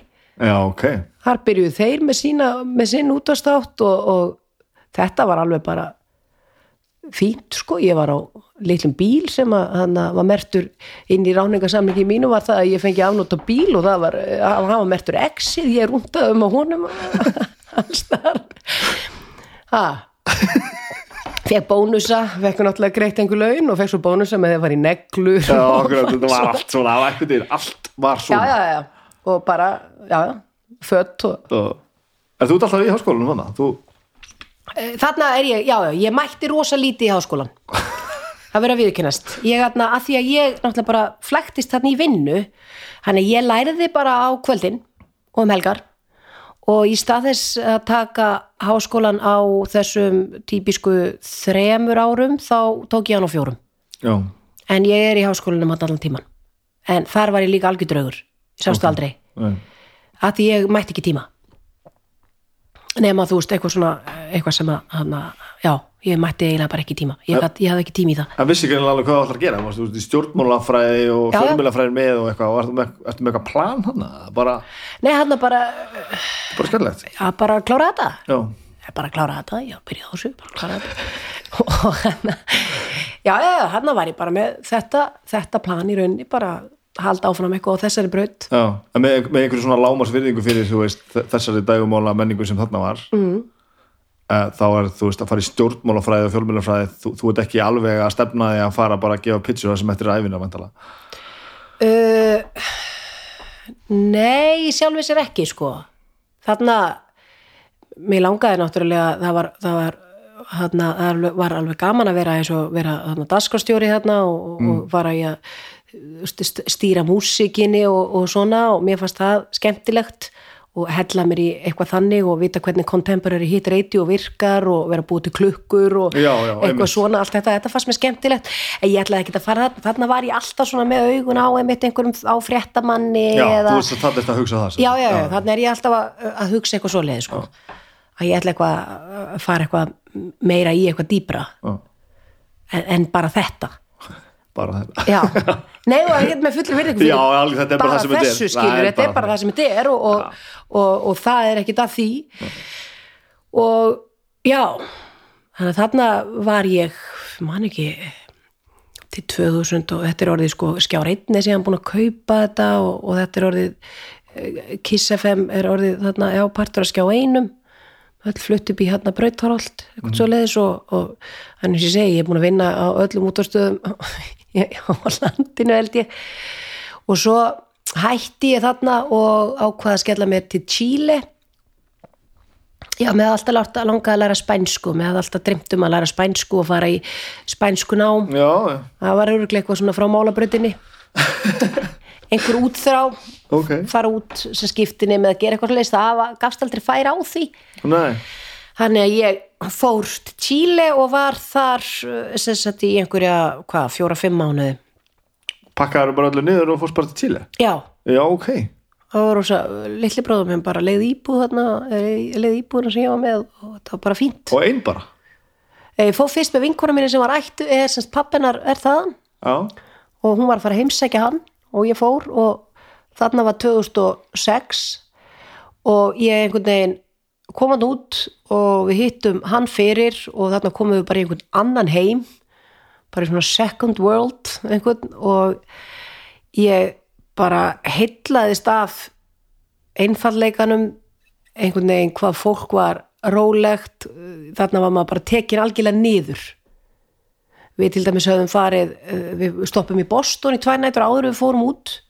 Og hún, notabenni þessi vinkona mín hafði aldrei farið til pappa sín sko eh, Já. þarna út. Eh, við stoppum í Boston í tvær nætur. Þar vorum við að missa okkur í mollum og vorum að vestla og allt þetta bara úr 2007 er nálgast þarna sko. Já, þú veist það er bara allt kvínandi siglingu. Svo komum við þarna, förum við út á náum fluginu til Chile og pappina kemur og sækir okkur og pikk upp og, og allt í góðu og við förum heim til bróðu föðubróðunar þar förum við inn í lítinn kofa. Þá var ég að tala um hann bjói í einhverju bakhúsi sem var bara svona eins og við myndum kalla garðhúsi eða eitthvað svo leiðis og hann, við settust niður og við stofuborðið hans sem að var gamall lítið plast barbíborð Nei, skilur, þetta bara, þú veist, og hann gaf okkur að drekka, þú veist, að, þú veist, hann var æðislega glaður að sjá okkur og hann gaf okkur að drekka bara úr, sérst, eitthvað djús sem hann blandaði úr krananum, Íslandinga búin að segja okkur, með alls ekki drekka vatn úr krananum, við bara hugsaum, ó, við erum að fara að deyja hérna, sko, þú veist, búin að fara í fullt af sprautum og dóti.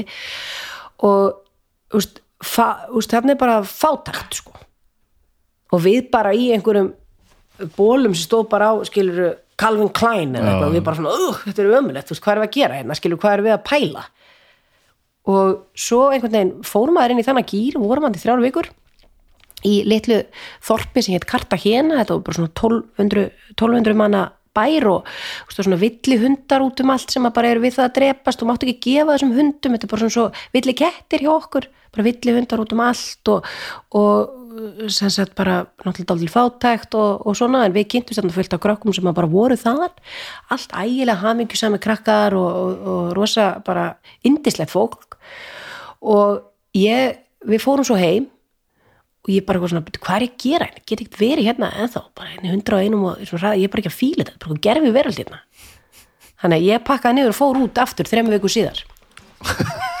þreymur vikum síðan Já, bókaði mig bara í hérna, spænskunum, ég hugsaði bara þetta er það sem mér er alltaf langa að gera, mér er alltaf dreymt um þetta, ég hef aldrei geta gert þetta, ég hef aldrei einhvern veginn átt færa því, aldrei haft efnaði, ég hef aldrei geta gert neitt. Nú ætlum ég bara að gera þetta, fara út. Og þá fór ég til höfuborgarinnar og, og náttúrulega bara var í, var í, í hérna, San Diego í, í þrjá mánuð og rosa gaman. Og bara, bara prófa eitthvað nýtt, augra mér, ég aldrei, ég er ekki manneskja sem að, ég til sá ekki dróðs auðvöld með að vera ein.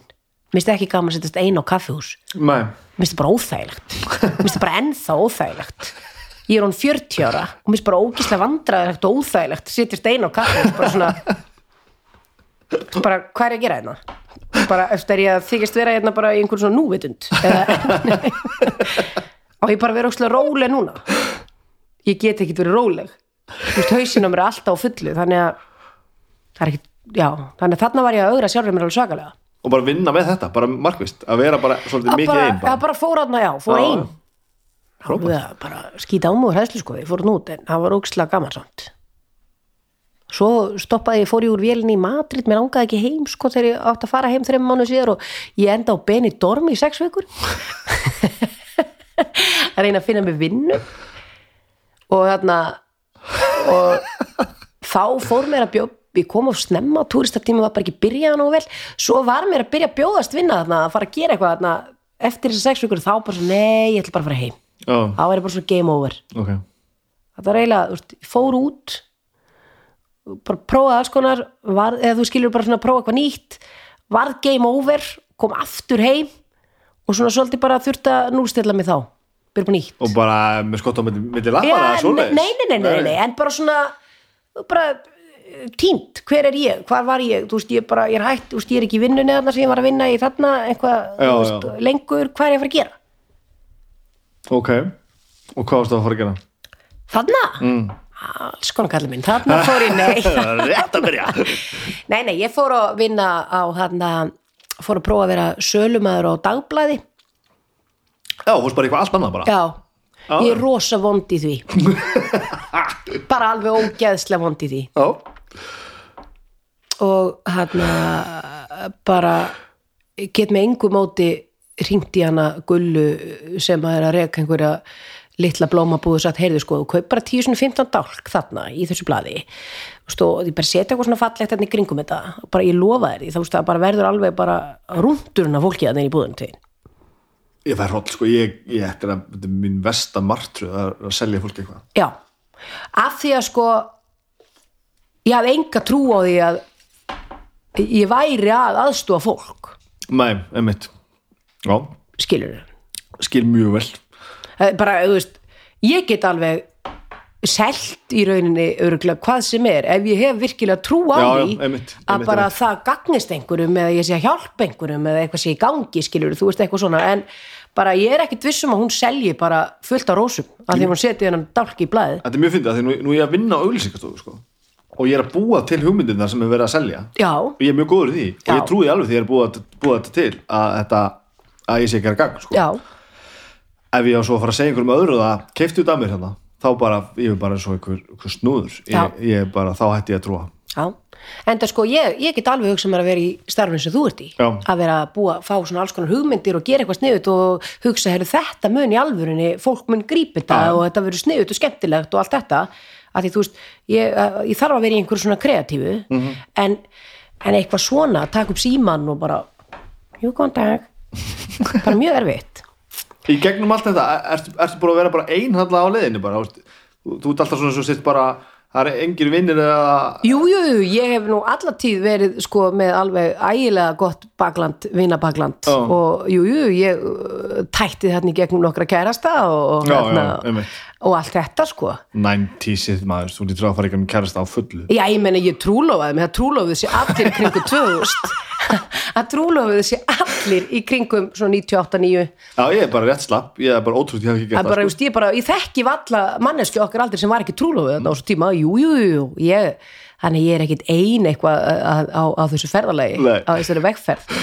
Ég átti kærasta þarna og hérna og uh, í grunninn sko er ég óbúslega heimakær og, og svona róleg líka, ég er ekki ævintýramanniska sem ég langar svona að vera aha. Ég er ekki sko típan til að vera á ferðalagi í útlöndum endalust og ég Nei. er ekki típan til þess að fara að kynnast einhverju misjöfnum menningarheimum og allir þessu því ég er, er ekkert af þessu. Mér langar rosalega að vera þessi bóhem en innst inni og, og, og þetta fyririldi en innst inni er ég bara lítil sko krútpía sem langar að búa bara, þú veist, í suburbíu og litli stað og, svona, ok og bara uh, hafa það hugulegt sko. Er þetta ekki glöða að hafa allavega gert það til að koma að staði? jú, jú, jú, jú, jú.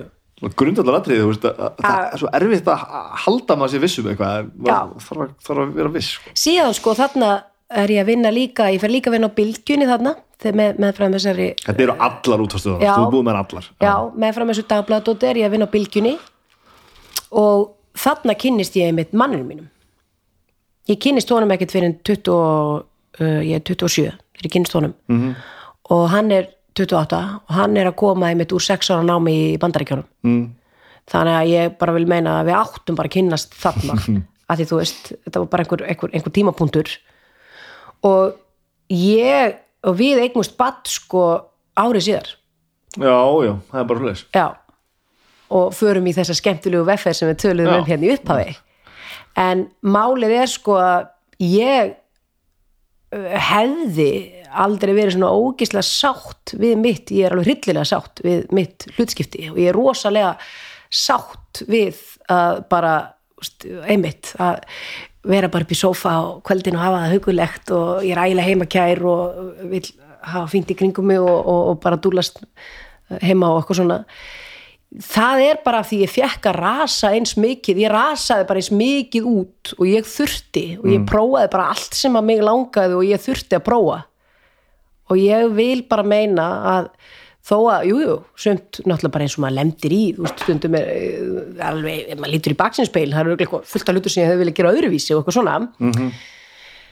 að þá bara er það málið, sko, að þú veist að maður er sáttur í núinu af því maður bara tætti í gegnum allt hitt skilur þau Já, alveg, ég skil alveg. þannig að, að ég er rosa ána með það Já, og ekki, þú veist, þráttur all, allar, allar þetta offor, svo er ekkert svona brendið þannig að, þú veist, það er eitthvað svona sem bara, þú, þú hefði bara viljað snúa við. Enda þetta alltaf bara svona, svona, Ná, ég, ég veit það ekki, Bibi, er ekki fullt af hlutir sem maður hefði viljað snúa við og bara svona, nei, en, en það ekki, að- ég er ekki að tala um þá hluti. Þú, þú er aldrei svona klest á vegginu og sagði bara, nei, nei, nei, nú er ég komin eitthvað sem ég á ekki að vera. jú, jú, örglega ég er alveg vissum að ég hef örglega alveg gert það skilur en þá bara en um, ég hef einhvern veginn, maður setur bara hausin undir sem maður heldur alltaf bara áfram. Já, en svo, svo náttúrulega bara við eignumst þessa stelpu og hann aðalið helgu og svo uh, ákvaðu við að, að hana, ringir eina bárðarson í mig hann ætlaði að opna kanan á velli. Já. fekk þá frábæru hugmynd að opna kanan á vellinum. Og ég hafði hætt á bylgjunni þannig þegar ég átti stelpuna því ég, þú veist, bara, hugsaði með mér, ég ætla bara að vera heima, ég er hver vinnum helgar með hana og eitthvað svona. Og ég við Kristján bara svona, heyrðu, ok bara flytja til keflaðugur hann var að opna kanan upp á velli. Já. og stelpa var okkur og reynsastust að fara til dagmömmu og við sem erum förum bara allavega og höfum vetursetu í Keflavík því að það er glóru laust að vera að keira brautina alla daga og vera að stressa sig á dagmömmu í bænum og eitthvað svona þetta er bara vesen. Bara förum til Keflavík, þanga fórum við þrjú. Og vorum einn vetur, nýju mánuði. Já, ok. á meðan að ég var að vinna á kananum hjá Einari Bárðarsson Og sem, það- sem í dag er K100 kanin er orðin K100 Já, já, sem er náttúrulega bara komið, undir mokkan eða eitthvað. Já, sem er komið undir mokkan þetta fer allt í að þetta fer allt í ringi sko Varstu í, varst það, var það 100% jobb þá eða? Já, eða ég var bara í, í verktöku maður mikil hann verktaka var mikið í verktakabransanum hérna það, tíma það er ekki svona, það er ekki eitthvað svona þættir á kvöldin svoleiðis, Nei, það var er bara svona sko. full on, já, já. já, já. og hérna við vorum í Keflavík, þetta við flytjum hérna í bæin aftur og þá fæ ég símtal og mér er búið að koma á rástöð Já, ok, já, 2000. þetta er rauðin á þessu. 2010 Já, já, já, 2010, það er ekki lengra síðan. Nei, Já, það er 10 ár kall minn. Já, ég fannst samt að þetta var lengra síðan. Áhugavert. Já, þetta virkar, þú veist, meina, maður er náttúrulega búin að vera í þessum bransa í tött og Já, er þannig. tött og eitthvað ár. Hafðu það? ekki eldri en maður er. Nei, já, já. og hvað það er eins bara, það, það er eftir straxkomin í dagur. Já, þar var mér búið að koma að leysa af uh, þá verður einhver flétta í gangi það verður einhver flétta í gangi Ragnhildur Steinun eignar spann og þá þarf margir til að mokka að fara í kastljósi til að leysa hana af og þá vantar einhver til að leysa möggu uh, mokk af í þætti sem hún var með heiðu Ólafs. Já, þetta sjá fléttuna já, þannig ég fer í það Já. og sá þáttur var nú ekki langlífur var þarna einhverja bara tvo, tvo mánuði og svo dettur Sigurinn Stefáns það í huga að setja mig og andra saman eh, í, í þátt. Það er rosa sérstu kummind það er bara mjög og við andri könnuðist náttúrulega við hvort annað því þegar ég var uh, daskastjóri yfir uh, Kissafem Já, þá var hann að vinna á hann var alltaf í á, rockmiðin á, X, á XFM sem var ekki Exit, heldur XFM Já, þetta var svo XFM. störlað á þessum tíma sko. já, hann var að vinna á XFM með búa bensin alveg rétt hann er að ég hlustaði meira þá aldrei þig sko. Já, ég get alveg trúa því. Þannig að við vorum þarna að- sem sagt, sett þarna saman Já. og það bara, já, við fórum í lofti á föstu degi og okkur leið bara vel eftir þann þá fyrsta þáttinu bara, já, þetta gekk bara fyrir vel og svo bara, já vorum við áfram Andri bara að hilsa þér, hann mitt hérna, var, ég saði síðast að þetta að ég væri hérna á Húsavík og bara, ég var eitthvað að velta fyrir mig ég ætla að tala, hann bara, ég fekk skilabóð frá hann bara, talaðu Gunnu, ég beði þessi Takk fyrir það. Þannig að, en það er svona meira grón upp veginn já, fjölmiðlun. já, já þarna, þú veist, þarna var ég daldi komin heim, sko. Já, ok, þarna var ég loksins bara að loksins ég veit ekki hvað það fólki finnst við gróna upp við náttúrulega höfum okkur svo fíbloft en, en þarna já, en, það var svona svona konkrétt þú já, veist, svona þarna, þarna bara komu styrkleikar við náðum þarna bara nýttust styrkleikar okkar beggja rosa vel í að búa til eitthvað svaka gott kombo. Hmm. svo ég segi bara sjálf frá. Já, kannski þetta líka voruð nær mér, þarna heldur nú það hefur verið áður en ég meina, þið voruð eða bara svona svona fjölmiðla seleb þú veist, þetta var ógeðslega vinsælt og þetta var bara svona það var augljóslega bara mjög stór partur í lífi bara mjög margra þetta bara einhvern veginn, þetta var eitthvað það skríti kombo og það sem sagt, Andri tók sína styrkleika og ég mína og við einhvern veginn settu það saman í að bara náðum til alveg ábáslega held ég uh, svona st- stór hóps mm -hmm. held að það hafi verið einhvern veginn þannig sko. já að mér fannst þetta bara dörrullu skemmtilegt og mér finnst, finnst dægumar útvarp almennt mjög leðilegt það var líka einhver djófisir brottur í þessu það var alltaf einhver stára mörkunum. Ég, það sem við gerðum var held ég bara það sem að hafði ekkert mikið verið gert í, allavega ekki á svona stöð áður eins og rástöðun alltaf með rosa, var með rosa hlustöðun og, eitthvað svona. Hún var enda, hann var búin að dala mjög mikið þarna Já. hlustöðun hana þannig að Sigrún hafði kannski enga tappa. Þarna á modnana það er að segja. En það sem að gerist er að, að við bara fórum og vorum við sjálf. Já, við bara fórum og vorum bara að spjalla bara svona svo ég og þú vorum að gera núna. Mhm. nefnum bara við vorum alltaf bara að spjalla og við vorum ekkert að pæla í því að það voru kannski 20.000 að hlusta. Og, nei, já, já einmitt, og einmitt, við vorum bara við og við þurftum aldrei að leggja línundur að því heyrðu, við, út, við töluðum aldrei saman hvernig útsattun þetta vera sko. við, bara, við bara mættum og við bara, þetta gerðist bara einhvern veginn. En svo að samaskapi þá uh, stopnuðum við bara strax sem að fólk var ekkert byrjað þarna við stopnuðum strax fésbókasíðu þarna 2010 það voru ekkert allir í því Já, þá. já, Uh, við bara strax tókum myndir af öllu sem var að gerast hjá okkur þrumum því strax inn og, og þetta varð rosa lifandi. Það fengur einhvern veginn bara allir að taka þátt sem vildu uh, og, og það sem að, já, við bara þetta, þú veist, fram að þessu hafði, ég er ekkert að segja þetta eitthvað brotið eitthvað blað, en fram að þessu þá var oft uh, svona fólk allavega eins og svona meira í bara einhverju hlutverki sko. Já, já, einmitt. Alveg klálega, ég skil hvað það var en samt höfum við eitthvað að segja líka. Af því að ég átt alltaf rosa erut með svona útvarp á ennþá. Það sem að það kemur ekkert fram. Já, svo bara vorum við líka bara rosa vel heppin með það. Okkur var bara vel tekið og bara allir til að koma til okkar og, bara, og einhvern veginn já, þá er rosa auðvelt að gera eitthvað skemmtlegt og gera eitthvað gott ef þú ert- með gott efni í höndunum. Þegar þetta gengur vel, já, já, Já, auðvitað, auðvitað, ef þú færð bara einhvern uh, tíðin sem er skemmtilegur sko. Mm. þannig að þetta, þetta var mjög skemmtilegt. Hvað var þetta langur tími? Við vorum til, eh, sko, í stúdíónu á, og, sérst, í efstaleitinu, vorum við til 2014, sérst, í fjögur ár þar, konkrétt, sko, og þá náttúrulega gerist það að, að, að ég uh, flytt til húsaukur. já, það bara beintengist tengist bara þar Já, og Magnús Geir uh, fannst það lítið mál, hann sagði bara við setjum bara upp stúdíó húsauk Aha. og þið verður bara með þátt saman hann uh, sem standir í borginni þú og Húsavík og bara sendið þetta út þannig hvernig var það? Það var bara, gekk bara bara vel.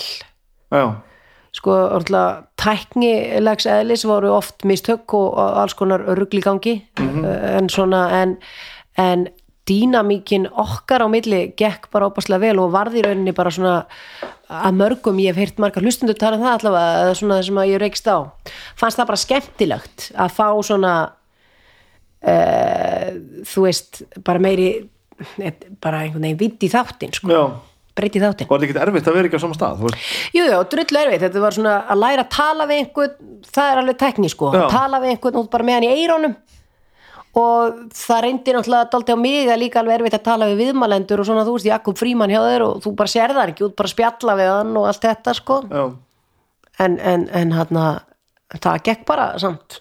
Alveg gaman sem sagt. Já, það var óksla gaman.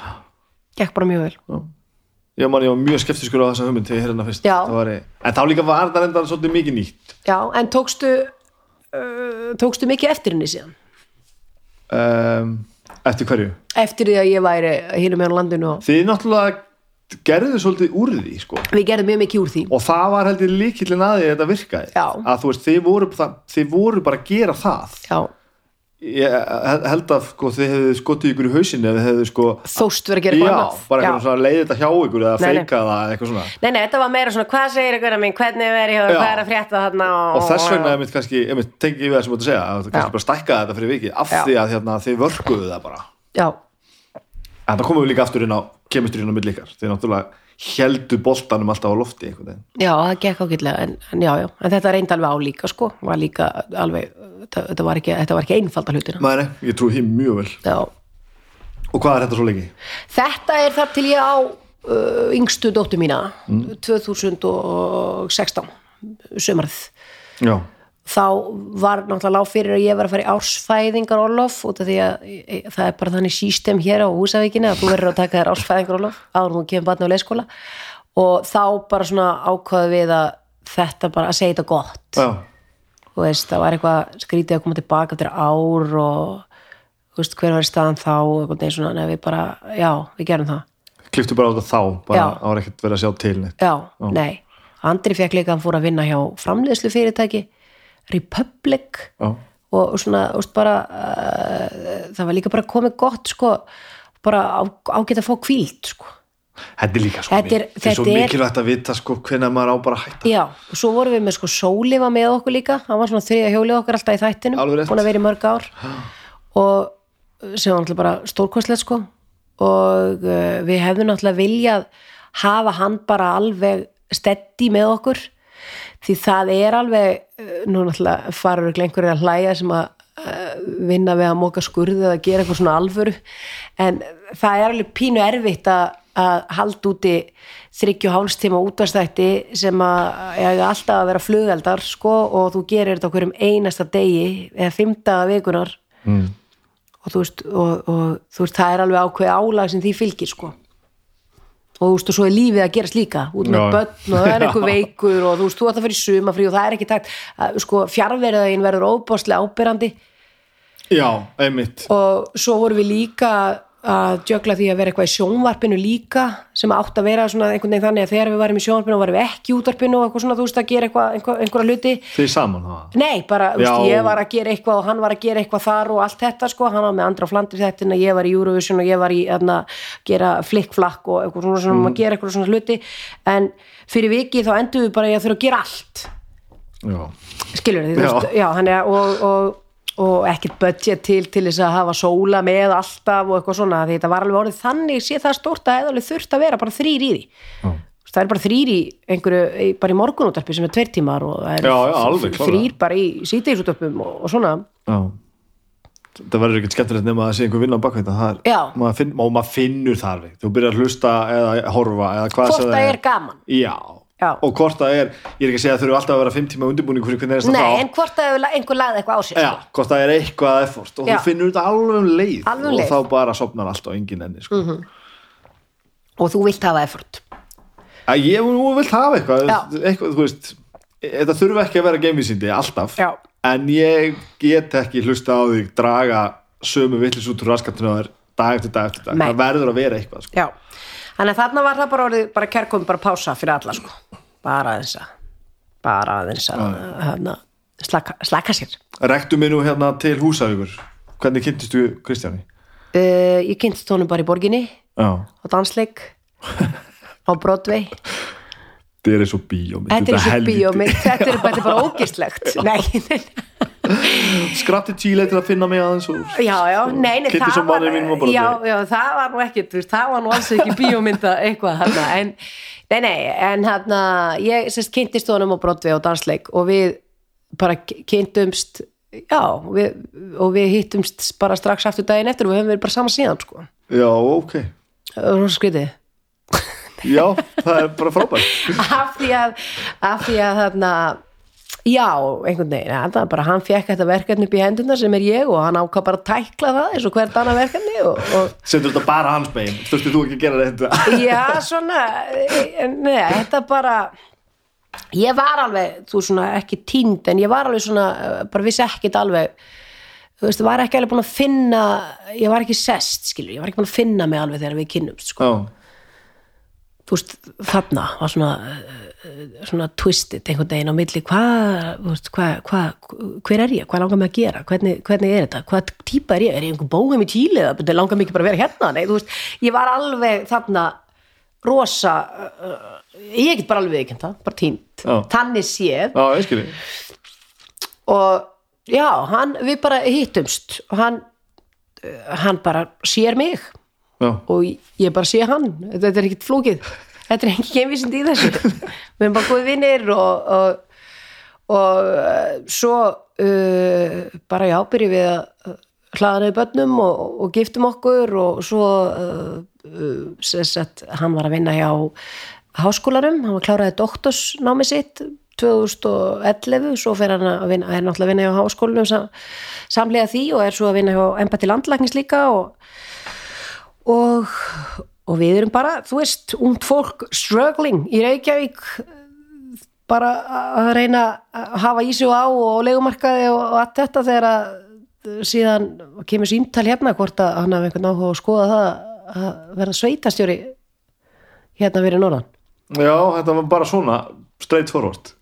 Já, Já, já, basically, þá var bara búin að vera kostningar hér og og, og uh, þetta eiginlega var pínu skritu, við vorum í við fórum að fara í fyrsta fríið okkar saman. Við, Kristján var að fara á einhverja ráðstefnu á vegum embættist landlæknis í Flórida og þá hugsaðum við, heyrðu frábært, við getum þá loksins heimsagt vinkuna mína í þegar því þú veist, þú ert að fara á ráðstefnu og eitthvað svona og ég get nörgla saman við nörglum saman fyrir einhverju flugum og þannig að ég komist og hérna krakkarnir með og, og hann fer á ráðstefnuna og ég er hjá vinkonum minn á meðan og svo fyrsta daginn sem við erum að byrja í þessu fríi þarna, ætlum að vera síðan tíu dagi viðbútt í Flórida, þá bara kom þe- þessi hugmynd upp og það eiðilega fríið já, þannig að ég var bara svona æ, þú veist, þetta er fyrsta fríið sem við erum að fara í saman hérna. að því að bara þú veist, svona pælingar þú veist uh, uh, eiginlega frí fyrir mér sko, já, ég skilji alveg sko. þarna var ég bara búin að vera fjögur ára rúf bara uh, leið ógislega vel var bara að fá að gera náttúrulega bara í drauma starfinu mínu var að fá að bara fá hugmyndir af því sem ég langaði til að gera í sjónvarpi og bara allt þetta. Komið tvö börn og eitthvað svona bara gekk allt, það var bara sweet, sweet deal. Já. og þá allt í einu kemur þetta síntal Hvað gerir maður þá? Að þetta, er- þetta er fucking surrealist Já, þetta er súrealíst og ekki það, við höfum alltaf verið að koma til húsaugur í frí, við komum alltaf hinga og vorum vika ári, þú veist bara, keirðum alltaf sa- sama rúndin, alltaf koma hinga og svo til eigistæði viku, það var svona tekið þetta fríð okkar alltaf, já. fóreldra mínir eru þar.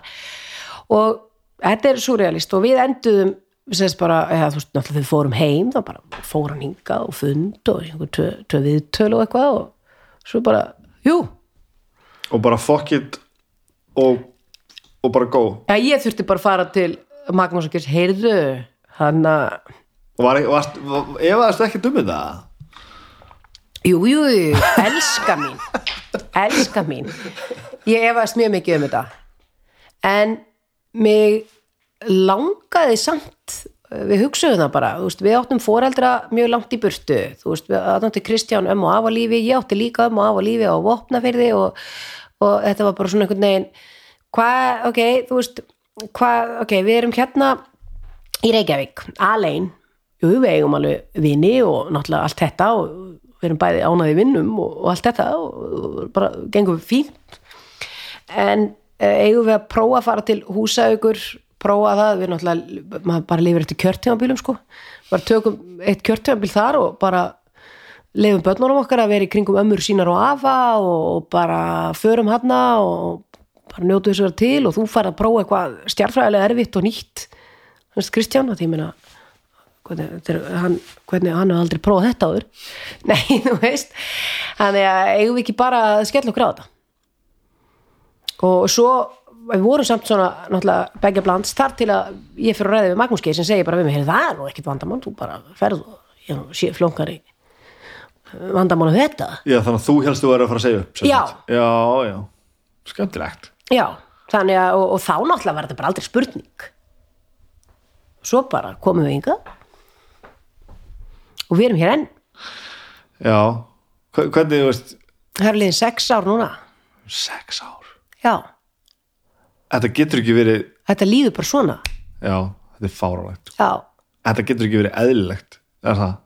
hvað? Að vera, veist, þegar maður er komin í eitthvað svona jobb Er þetta ekki alltaf eitthvað? Hjá mér eða honum? Já, ykkur bara, það er ekki svo hann sé einn í þessu jobbi Þið eru náttúrulega, eru, eru þetta er alveg búið drull erfitt. Já, en indislegt líka. -hmm.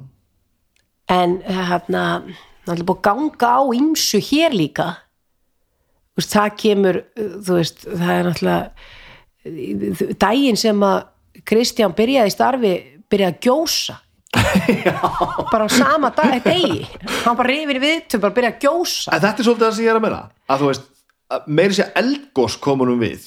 Já, já, já, það má meina- ekkert gerast, þá er, einhvern er hann alltaf einhvern veginn vinklaður inn í þetta. Já, og uh, við bara hlóum að því að gjó, gjósa svo náttúrulega kemur þú veist þetta, við, við, ég held í alvörun að vera að fara í þægilega innivinnu Já, já, ok. Og þetta væri bara svona þægilega innivinna og við myndum bara svona ná að eða fylgta tíma saman Bara svona átta- átta, fjögur, já, já, já. en það var ekki. Og er þetta, það er bara alls ekki þannig? Nei, það er bara alls ekki þannig. Nei, og svo er þetta líka, úst, minna, það er náttúrulega búið að vera rosalega uppgangsskeið hérna síðustu ár og, og það náttúrulega tengist einhvern veginn allt náttúrulega, þú veist, það er náttúrulega og það, það, það bara þetta helst allt í hendur og svo kom línumálið og svo bak, kom bakkamál hefur að koma bakka upp og svo göngin og svo, ja, þetta er bara, bara, bara endalust og, og, og, og, fullt af hlutum Mhm. alltaf eitthvað nýtt. Og, og, og bara erfitt en skemmtilegt og Já, þetta er náttúrulega ósækjað spurningin er, er þetta gaman? Er, er heilt yfir, er þetta, þú veist hjá honum? Já, ykkur náttúrulega. Ég hef ekki að sleppa ég þér get úr ekki þessu. Svara ég, fyrir hann, já sko þetta, síðan var þetta þannig að, að þegar ég fyrir aftur úr fæðingarólafunni þá fór þetta að vera þannig að ég fór að tóka mér útsvar og ég var að, að vinna um helgar. Já. að hann var að vinna á virkudögum þannig að ég var alltaf að fljúa til Reykjavíkur. Og það var ekki gaman sko, það Nei. var leiðarna ár sem við sáumst aldrei. Bara fjölskyldan og ekki bara og ekki, við sáumst ekki sko. Og allir örmagna. Það var ógstlega leðilegt en þarna en uh, þetta er já þetta er bara, þetta eru forréttindi samt. Já, algjörlega, mér bara ef einhver myndi segja eitthvað svona við mig sko, herru, hérna Agnes er hérna var að vera, vera hérna, bæjastjóri eitthvað ég myndi fá bara sko frábært en ég myndi fá bara svona af því að mér, líður bara eins og þetta sé eh, svo óyfirstíðanlegt sko. Þetta er, þetta er mikil vinna Já, Þetta er mikilvinna, en, en, hérna, en, þetta, en þetta gæti ekkit gengið upp nema af því að sko, þetta gengur upp af því að eh, við höfum bara svona synkronæsa þannig sko. ég bara ber daldið ábyrð á uh, bara bönnunum og heimilinu mm. og hef bara gert það. Já, og hann er bara í já. og það er kannski daldið eins og að fara aftur til 1960 eða eitthvað, en það er bara en, en, en það er bara eitthvað sem við við erum bara teimi já. við erum bara teimi og, og í augnablikinu er teimið að starfa svona. Akkurat. Og við bara látum þetta ganga. Já, og það öllum að líða vel. Og við erum náttúrulega heppin að búa sem æðislega stað og það er svo stutt til allar áttir og börnin eru frekar sjálfbjarga og geta bara hjólað sem eru að fara og bara þú veist, þetta er æðislegt sko. Já. Og dastu hérna inn bara strax bara ekkert mál að flytja þenga Já, ég, mér alltaf liði rosa vel hérna. Ég held einmitt að kæm alltaf bara svona, ég fengi bara svona fyrsta veturinn bara, bara eitthvað svona, ég var alltaf að býja til einhver bakslægi, já, en það kom aldrei. nei þetta snýst allt um fólki sem maður er með Allt um fólki sem að maður hefur í kringu sig og, og, og allt svo leið, sko. Og menn, þetta er bara síðan, þetta er bara tími. Já, já, Þetta er bara hluti af æfiskeiðinu og, og börninu lítil núna þurfa mann að halda og svo þurfa þau minna mann að halda og, og þetta er bara, þetta er, þetta er bara ferðalag.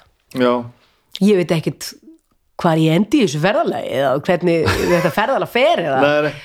hver er næsti viðkomastæður eða nei, þetta nei, þetta er bara ferðalag Hva, en hvað gerir þú svo þegar þú ert ekki að vinna þegar þú ert ekki að upp börnin eða að, að ef við getum bara að kalla áhugamál ótrúlega óspennandi e, típa ég. Nei, Nei, að, að, að, að því allt sem við erum búin að tala um er eiginlega svona svolítið það sem að fólk gæti litið á sem áhugamáli, þú ert einhvern veginn búin að gera eitthvað svona þú veist ég við veit ekki sko, ég er náttúrulega verið rosalega heppin með það að mér eh, Jú, jú, ég hef oft tuðaði Kristjánu út af vinnunum minni sko. Þú veist eitthvað svona, "Ö, þetta er svo ógæslega leðilegt í dag og Andri og Andra hafni og þú veist bara eitthvað svona, ég var alveg gert svona sko. Já. Eða þú veist, eitthvað, eitthvað, þetta var svona og eitthvað svona fjárveiting í þetta og eitthvað. En mér hefur í raun aldrei liðið eins og ég hafi þurft að vera bara mæta til vinnu. Nei, það er kannski attitúti sem ég er, að- er að tala um. Þetta að er- því ég er bara búin að vinna við ógislega skemmtilega hluti. Já. ég var eins og að vinna í kjötborinu í kaufélaginu 95 á Vopnaverði þar mætti ég til vinnu skilur já. Þar bara setti ég upp hárnet og það bara, selt kjötfass já ok, fyrir komar eitthvað 5, já ok, svona 700 gram. Þú veist, og bara stóð þarna og ég var bara svona ahhh, þetta er leðilegt bara býða að þetta sé búið. Já. það er þessi, vinnu, þessi, þú veist, pakka tómatunum og bara gera þetta og mér fannst það bara ógeðslega leðilegt Já. ég vann í fristúsi og ég, ég er duglega að vinna sko en ég, ég vann, ég sérst, vann í fristúsi þrjá daga eftir hádegi.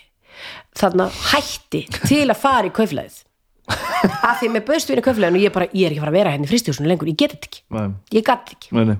þess vegna dáist ég svo að þeim sem gera þetta, menna bróður minn er sjómaður og er bara að vinna í fristúsi Já. skilur út á sjó. -hmm. bara, eh, hann er bara hann er stórkostlugur ég einhvern veginn eiri mér ekki í svona. Nei. Þannig að ég veit ekki hvað það er. Ég er of dramatísk. Það þarf bara að vera það þarf alltaf að vera drami útskýruðu þetta nú þess ég er bara dramatísk, ef það er ekki drami veist, ég er ekkit svona veist, það, það, er aldrei rólegheit sko.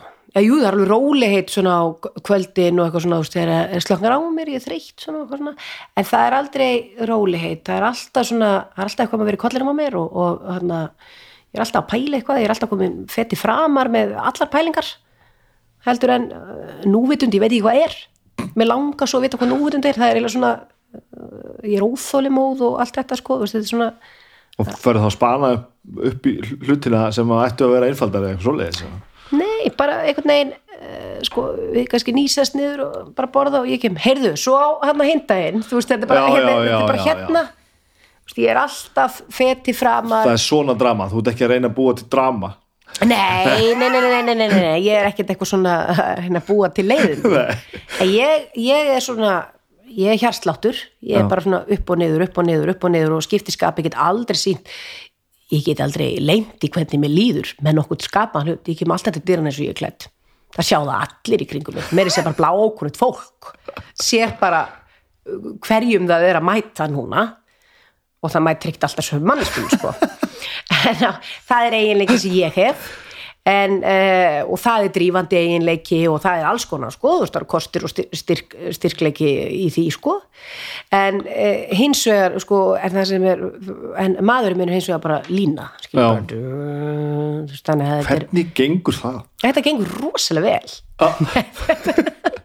Af því að bara þetta er einhvern veginn þetta, þetta nær saman. Á einhvern alveg stórhundarlega nátt Þannig að þú sérðir raunin ekkert munin á vinnu og áhugamálum og svona. Þetta er allt saman bara í... já sko, sko svo, já þetta hefur bara verið svolítið að sama alltaf, já þetta. Og, og við erum bara verið í kringu fólk og mista ákslega gaman og allt þetta.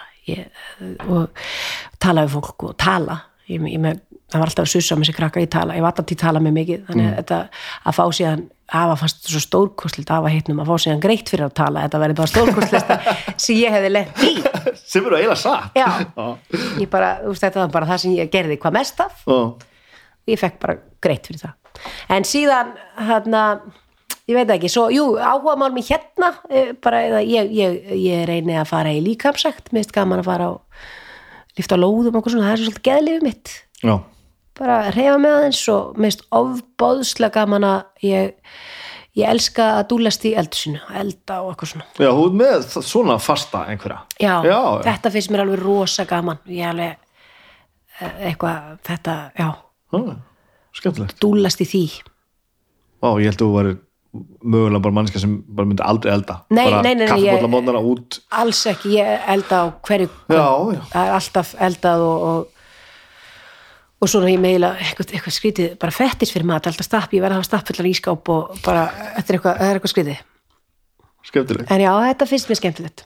Þannig að, ég veit ekki. Svo, já, þannig að ég, ég oft bara einhvern veginn að hugsa mögulega geti næsta verk mitt einhvern veginn eitthvað í fjölmjölum eða einhverju veið mitt eitthvað ekki tengt því en einhvern veginn, ég er örugglega eftir að að tróða því einhvern veginn eitthvað inn í eitthvað. Mat. Já, eitthvað, já, ég veit ekki en svo bara svo veit ég ekki neitt um hvað er framöndan sko. En, nei, en þú, sérst, þú, þú ert að hugsa framundan í fjölmila. en sko það er eiginlega alveg, ég er að starfa við allt annað í dag sko. Já. nú er ég að starfa, ég starfa hérna á skrifstofu sjóvá Þú ert að vinna bara þar. ég er að vinna hjá Já, sjóvá hérna Og hvernig gengur það? sko það er, þannig er þetta, bara eitthvað styrla sko. ég er bara að prófa eitthvað sem ég hef aldrei prófa á æfinni þú veist, ég er bara ráðgjafi tryggingar ráðgjafi þú fyrir bara að læja Það er bara eins og við bara tala um því núna í einn og hálfum tíma, sko, þá er þetta bara svona síðasta sem ég hefði haldið þú verður að gera. já, ég er tryggingar ráðgjafi Og hvernig er það þá? ha, ég heiti Guðrún Dís og ég er tryggingar ráðgjafi Og hvern, hvernig, þú veist, sko það er ótrúlega spennandi og, og bara öðruvísi einhvern veginn heimur og þangagangur varst ekkert komin í sölu manneskjuna sem þú þoldir ekki og kjötbórið aftur? það er öðruvísi. Að út af því að ég er að, nei nei, ég er að þjónusta. Veist, ég er meira svona þjónusta að kemur einhver tímin og þú veist, hann þarf að, tryggja hann að bíl gera eitthvað skilur, ég bara, Já, já, já. ég leysi það fyrir hann. Og þetta er bara einhvern tölvu heimur sem ég aldrei séð og alls konar kerfi og þú ert að læra alls konar skilmála og þú ert að læra alls konar dóti. Og bara fyrst bara, það var rosa skrítið fyrst af því að ég er alveg vöna ég er búin að vera í starfi í 20 og eitthvað ár þar sem að ég basically veit hvernig út hvað leikurinn gengur. Ég, ég kann hann, ég er nokkuð góð í honum skiluru og, og allt þetta bara, þú veist, svona, allt þetta og svo fara allt í henni, ég veit ekki neitt. Í einhverju starfi sem á bara að byrja í upp á nýtt, sko. Og þannig að það var alveg eh, ákveðin skellu, sko. Það var bara svona, var bara svona, á, heyrðu ég bara veit ekki neitt. Og, og þá ertu maður að læra á það allt saman. Þannig að ég er að þjónusta. Það er ágætt, ég er alveg ágætt í að ég er ágætt í að þjónusta. Að ég, nei, ég, er alveg, ég, ég held ég að ég reynir nú alltaf að mæta fólki þar sem það er og ég og enn og líka bara held ég ég kur, kurteis og alveg svona næs við fólk held ég, þannig að ég er alveg að reyna að þjónusta bara að gera best í því Já. og ég er ekki í rauninni að selja neinu neitt, ég er bara að ráðleggja fólki Já. og þarna er maður meira í einhverju svona ráðgjöf, í einhverju sem að ég bara hef trú á að þú þurfir að hafa í lægi mm -hmm. og þetta er ekki eins og þegar ég er að selja konin í blómabúðinni dagblaða auðlýsinguna þetta þarf hún greið að hafa í lægi streymiðin í búðina sín ég veit bara ekki hvort að það, að, að það að að kaupa í þessu blaði sem að engi var að lesa uh, skilur í hjálpenni en þarna þarftu að hafa hluti í lægi þú veist, þú vilt vera þú veist, þú vilt vera svona tryggður, þú veist, þú vilt hafa þetta í lægi ef eitthvað kemur upp á og þú vilt gera þetta svona og, og ég er ekki að tróða henni upp á neitt ég er bara að hjálpa þeim sem að mögulega leita til Já, skil, skil. en þetta er eitthvað allt annað. Og ég get alveg viðkjönd það hér fyrir þér bara akkurat núna sem er skrítið að því ég er í útvastætti þannig að það munu fleiri heyra þetta. En ég lít enn á mig sem fjölmiðla konu. Já, ég, sem sagt, ég það er örgulega því að bara 22 ár toppa eitt ár, já, já. Ég skil skilur Og hugafarin líka, maður verður að einhverju sko. Já, en svo er ég svo mikið núna að reyna einmitt að uh, breyta hugsunahætti mínum í því að maður verði einmitt ekki aðneinu heldur sé maður bara og gerir mismunandi hluti á lífsleðinni Já, já, já. Og þú ert ekki eitthvað eitt heldur tekstu á við þetta verkefni núna svo annað verkefni næst og svo þriða verkefni síðan og það helst allt í hendu við líka hvar þú ert stödd á ferðalæginu þú veist þannig að, að með líka í engalífinu og allt þetta með börn og eitthvað svona. Mm -hmm. þannig að ég rosa mikið núna að að bara reyna að vera ekki fjölmiðlamannskja En samt þetta með eitthvað svona smá plönum að vera með eitthvað svona matarteng ég veit ekki. En þú veist ég er rosa mikið að reyna að bara skilgrana mig ekki. Já, en hvað gerur við allar þessar hugmyndir sem þú færð? Koma það bara að fara að það er mikið kom og fara en það er það er verða síðan eitthvað við þetta að fara eitthvað þetta út sko. Já, ertu góð í að láta þetta gerast sem, þessar hugmyndir sem þú færð? Uh, nei, ekki sko, það er líka eitt af því sem gerist þegar þú ferði, ert í svona daglegu útvarpi og svona eins og við vonum í. Og jú, jú, þá ætla alltaf að fá hugmyndur um að bara gera þær. En þá að samaskapi, þá lendur þetta alltaf í hamstra hjóli, sko, þú veist, þú bara, bara verður líka færibandavinna, sko. Já. bara alltaf að gera það sama. Þannig að núna fyrst finn ég svona einhverja þörf hjá mér í því að maður getur hugsað svona aðeins út fyrir bóksið og getur verið að hugsa og pæla eitthvað aðeins í lötum út af því að ég er ekki að gera það. Já, ég skilji, já, já, já. Það er svona kyrð til þess að sjá þetta pínu utanfrá og gera Já. eitthvað svona meira svona ígurundað Já, já. en hvort einhvern tíman eitthvað að því verði eða hvort ég ger eitthvað í því eða hvort ég helli mig bara full blown til tringar þar til ég fer down under, þá bara þurfa að koma í já. ég bara veit það ekki ha, Takk fyrir að tala um mig. Takk fyrir að, að lega mér að koma í heimsókn.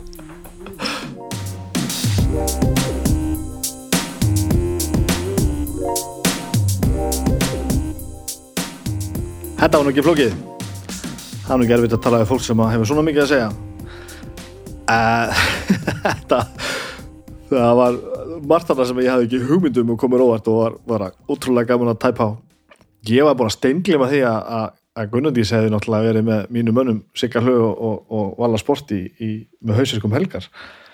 Ég held að það geti verið jafn gaman og, og, það geti verið hræðilegt að horfa á, á, á það allt saman. Ég hugsa reyndar að ég sleppi því bara. En þetta er svona, þessu, þessari, þessari veru minni hér á Húsavík er það að ljúka og ég finn að pakka saman hérna í leikhúsinu og, og, og vantarlega verður næsta viðtal meira um, svona hefðbundu sniði, kannski bara heima í eldhúsi þó ég reyndar hafi komist að því með því að gera þetta núna tala við, við Gunnindi sérna og, Magna og Akureyri síðast að þetta er vel hægt og skemmtilegt og gefur þessu aðeins svona að- aðeins, aðeins annan anda. Þannig að ég er nú alveg mjög opinn fyrir því að taka töskuna bara og fara þangað sem fólki er uh, og, og gera meira þessu, þetta var mjög skemmtilegt. En, en uh, allar mína kærustu þakki til leikhúsins hérna á Húsavík, þetta er ansi dýrmætt að fá að vera hér, þetta er og skipti mann pínu máli þetta er partur af manni, þetta er ekki bara einhvað á einhver starf það er búið að vera ansi fallegt. Uh, ég hugsi ég fari nú bara að drífa mig út í rigninguna og kannski fá mér eitt kaldan áður en að líður á tónleikum með KK í kvöld. Uh, þið munið svo bara að hlusta á hljókirkjuna sem mest er megið. Uh, ég er svo ég sagði áðan þá er ég nú að taka þetta upp á, á, á laugadegi gerir ég þetta nú á miðvíkudegi þannig að vikan er byrjuð en ég veit það náttúrulega fyrir víst að domstafi verður bara núna á mánudaginn þegar þið hlustuðu á þetta á síðasta mánudag uh, þið getur náttúrulega hlusta á drauga fortíðar. Ég veit ekkert meira heldur en að ég held að þáttur þessi ekki tilbúin þegar þetta er talað hann heitir Stelpur í stríði sem að hljómar áhugaverða áhugavert. Ég, ég trúi, trúi því alveg að flósið eftir að eftir að segja ykkur eitthvað stórkostlegt þar. Í bland við hvaðan, hvaðan er nú hvaðan er nú þungur og, og kvíðin blessaður í dag var þetta sem að snæpi talaði fólk og morgun er svo alltaf við besta platan og þá er þetta besta platan með Foo Fighters hvorki meira enn í minna. Þannig að það er nóg að taka í lókirkjunni því munið að fara á umræðahópana á Facebook og skipta ykkur af eða lesa það sem fólk hefur að segja. Uh, ítarefni í sambandi við allt sem við erum að gera. Þó að þessi þáttu sé ekki með slíka umræðagrúpu en það held ég að það hendi nú ekki vel uh, gefið okkur svo allar mögulega stjórnum sem þið getið á öllum þessum veitum hlustið eins og þessum sem mest er megi og látið alla, alla vita og þá, þá hlusta fleiri þá gengur betur, þá er auðvildar fyrir okkur að vera til. Uh, Takk fyrir í dag, takk fyrir Húsavík. Við sjáum næst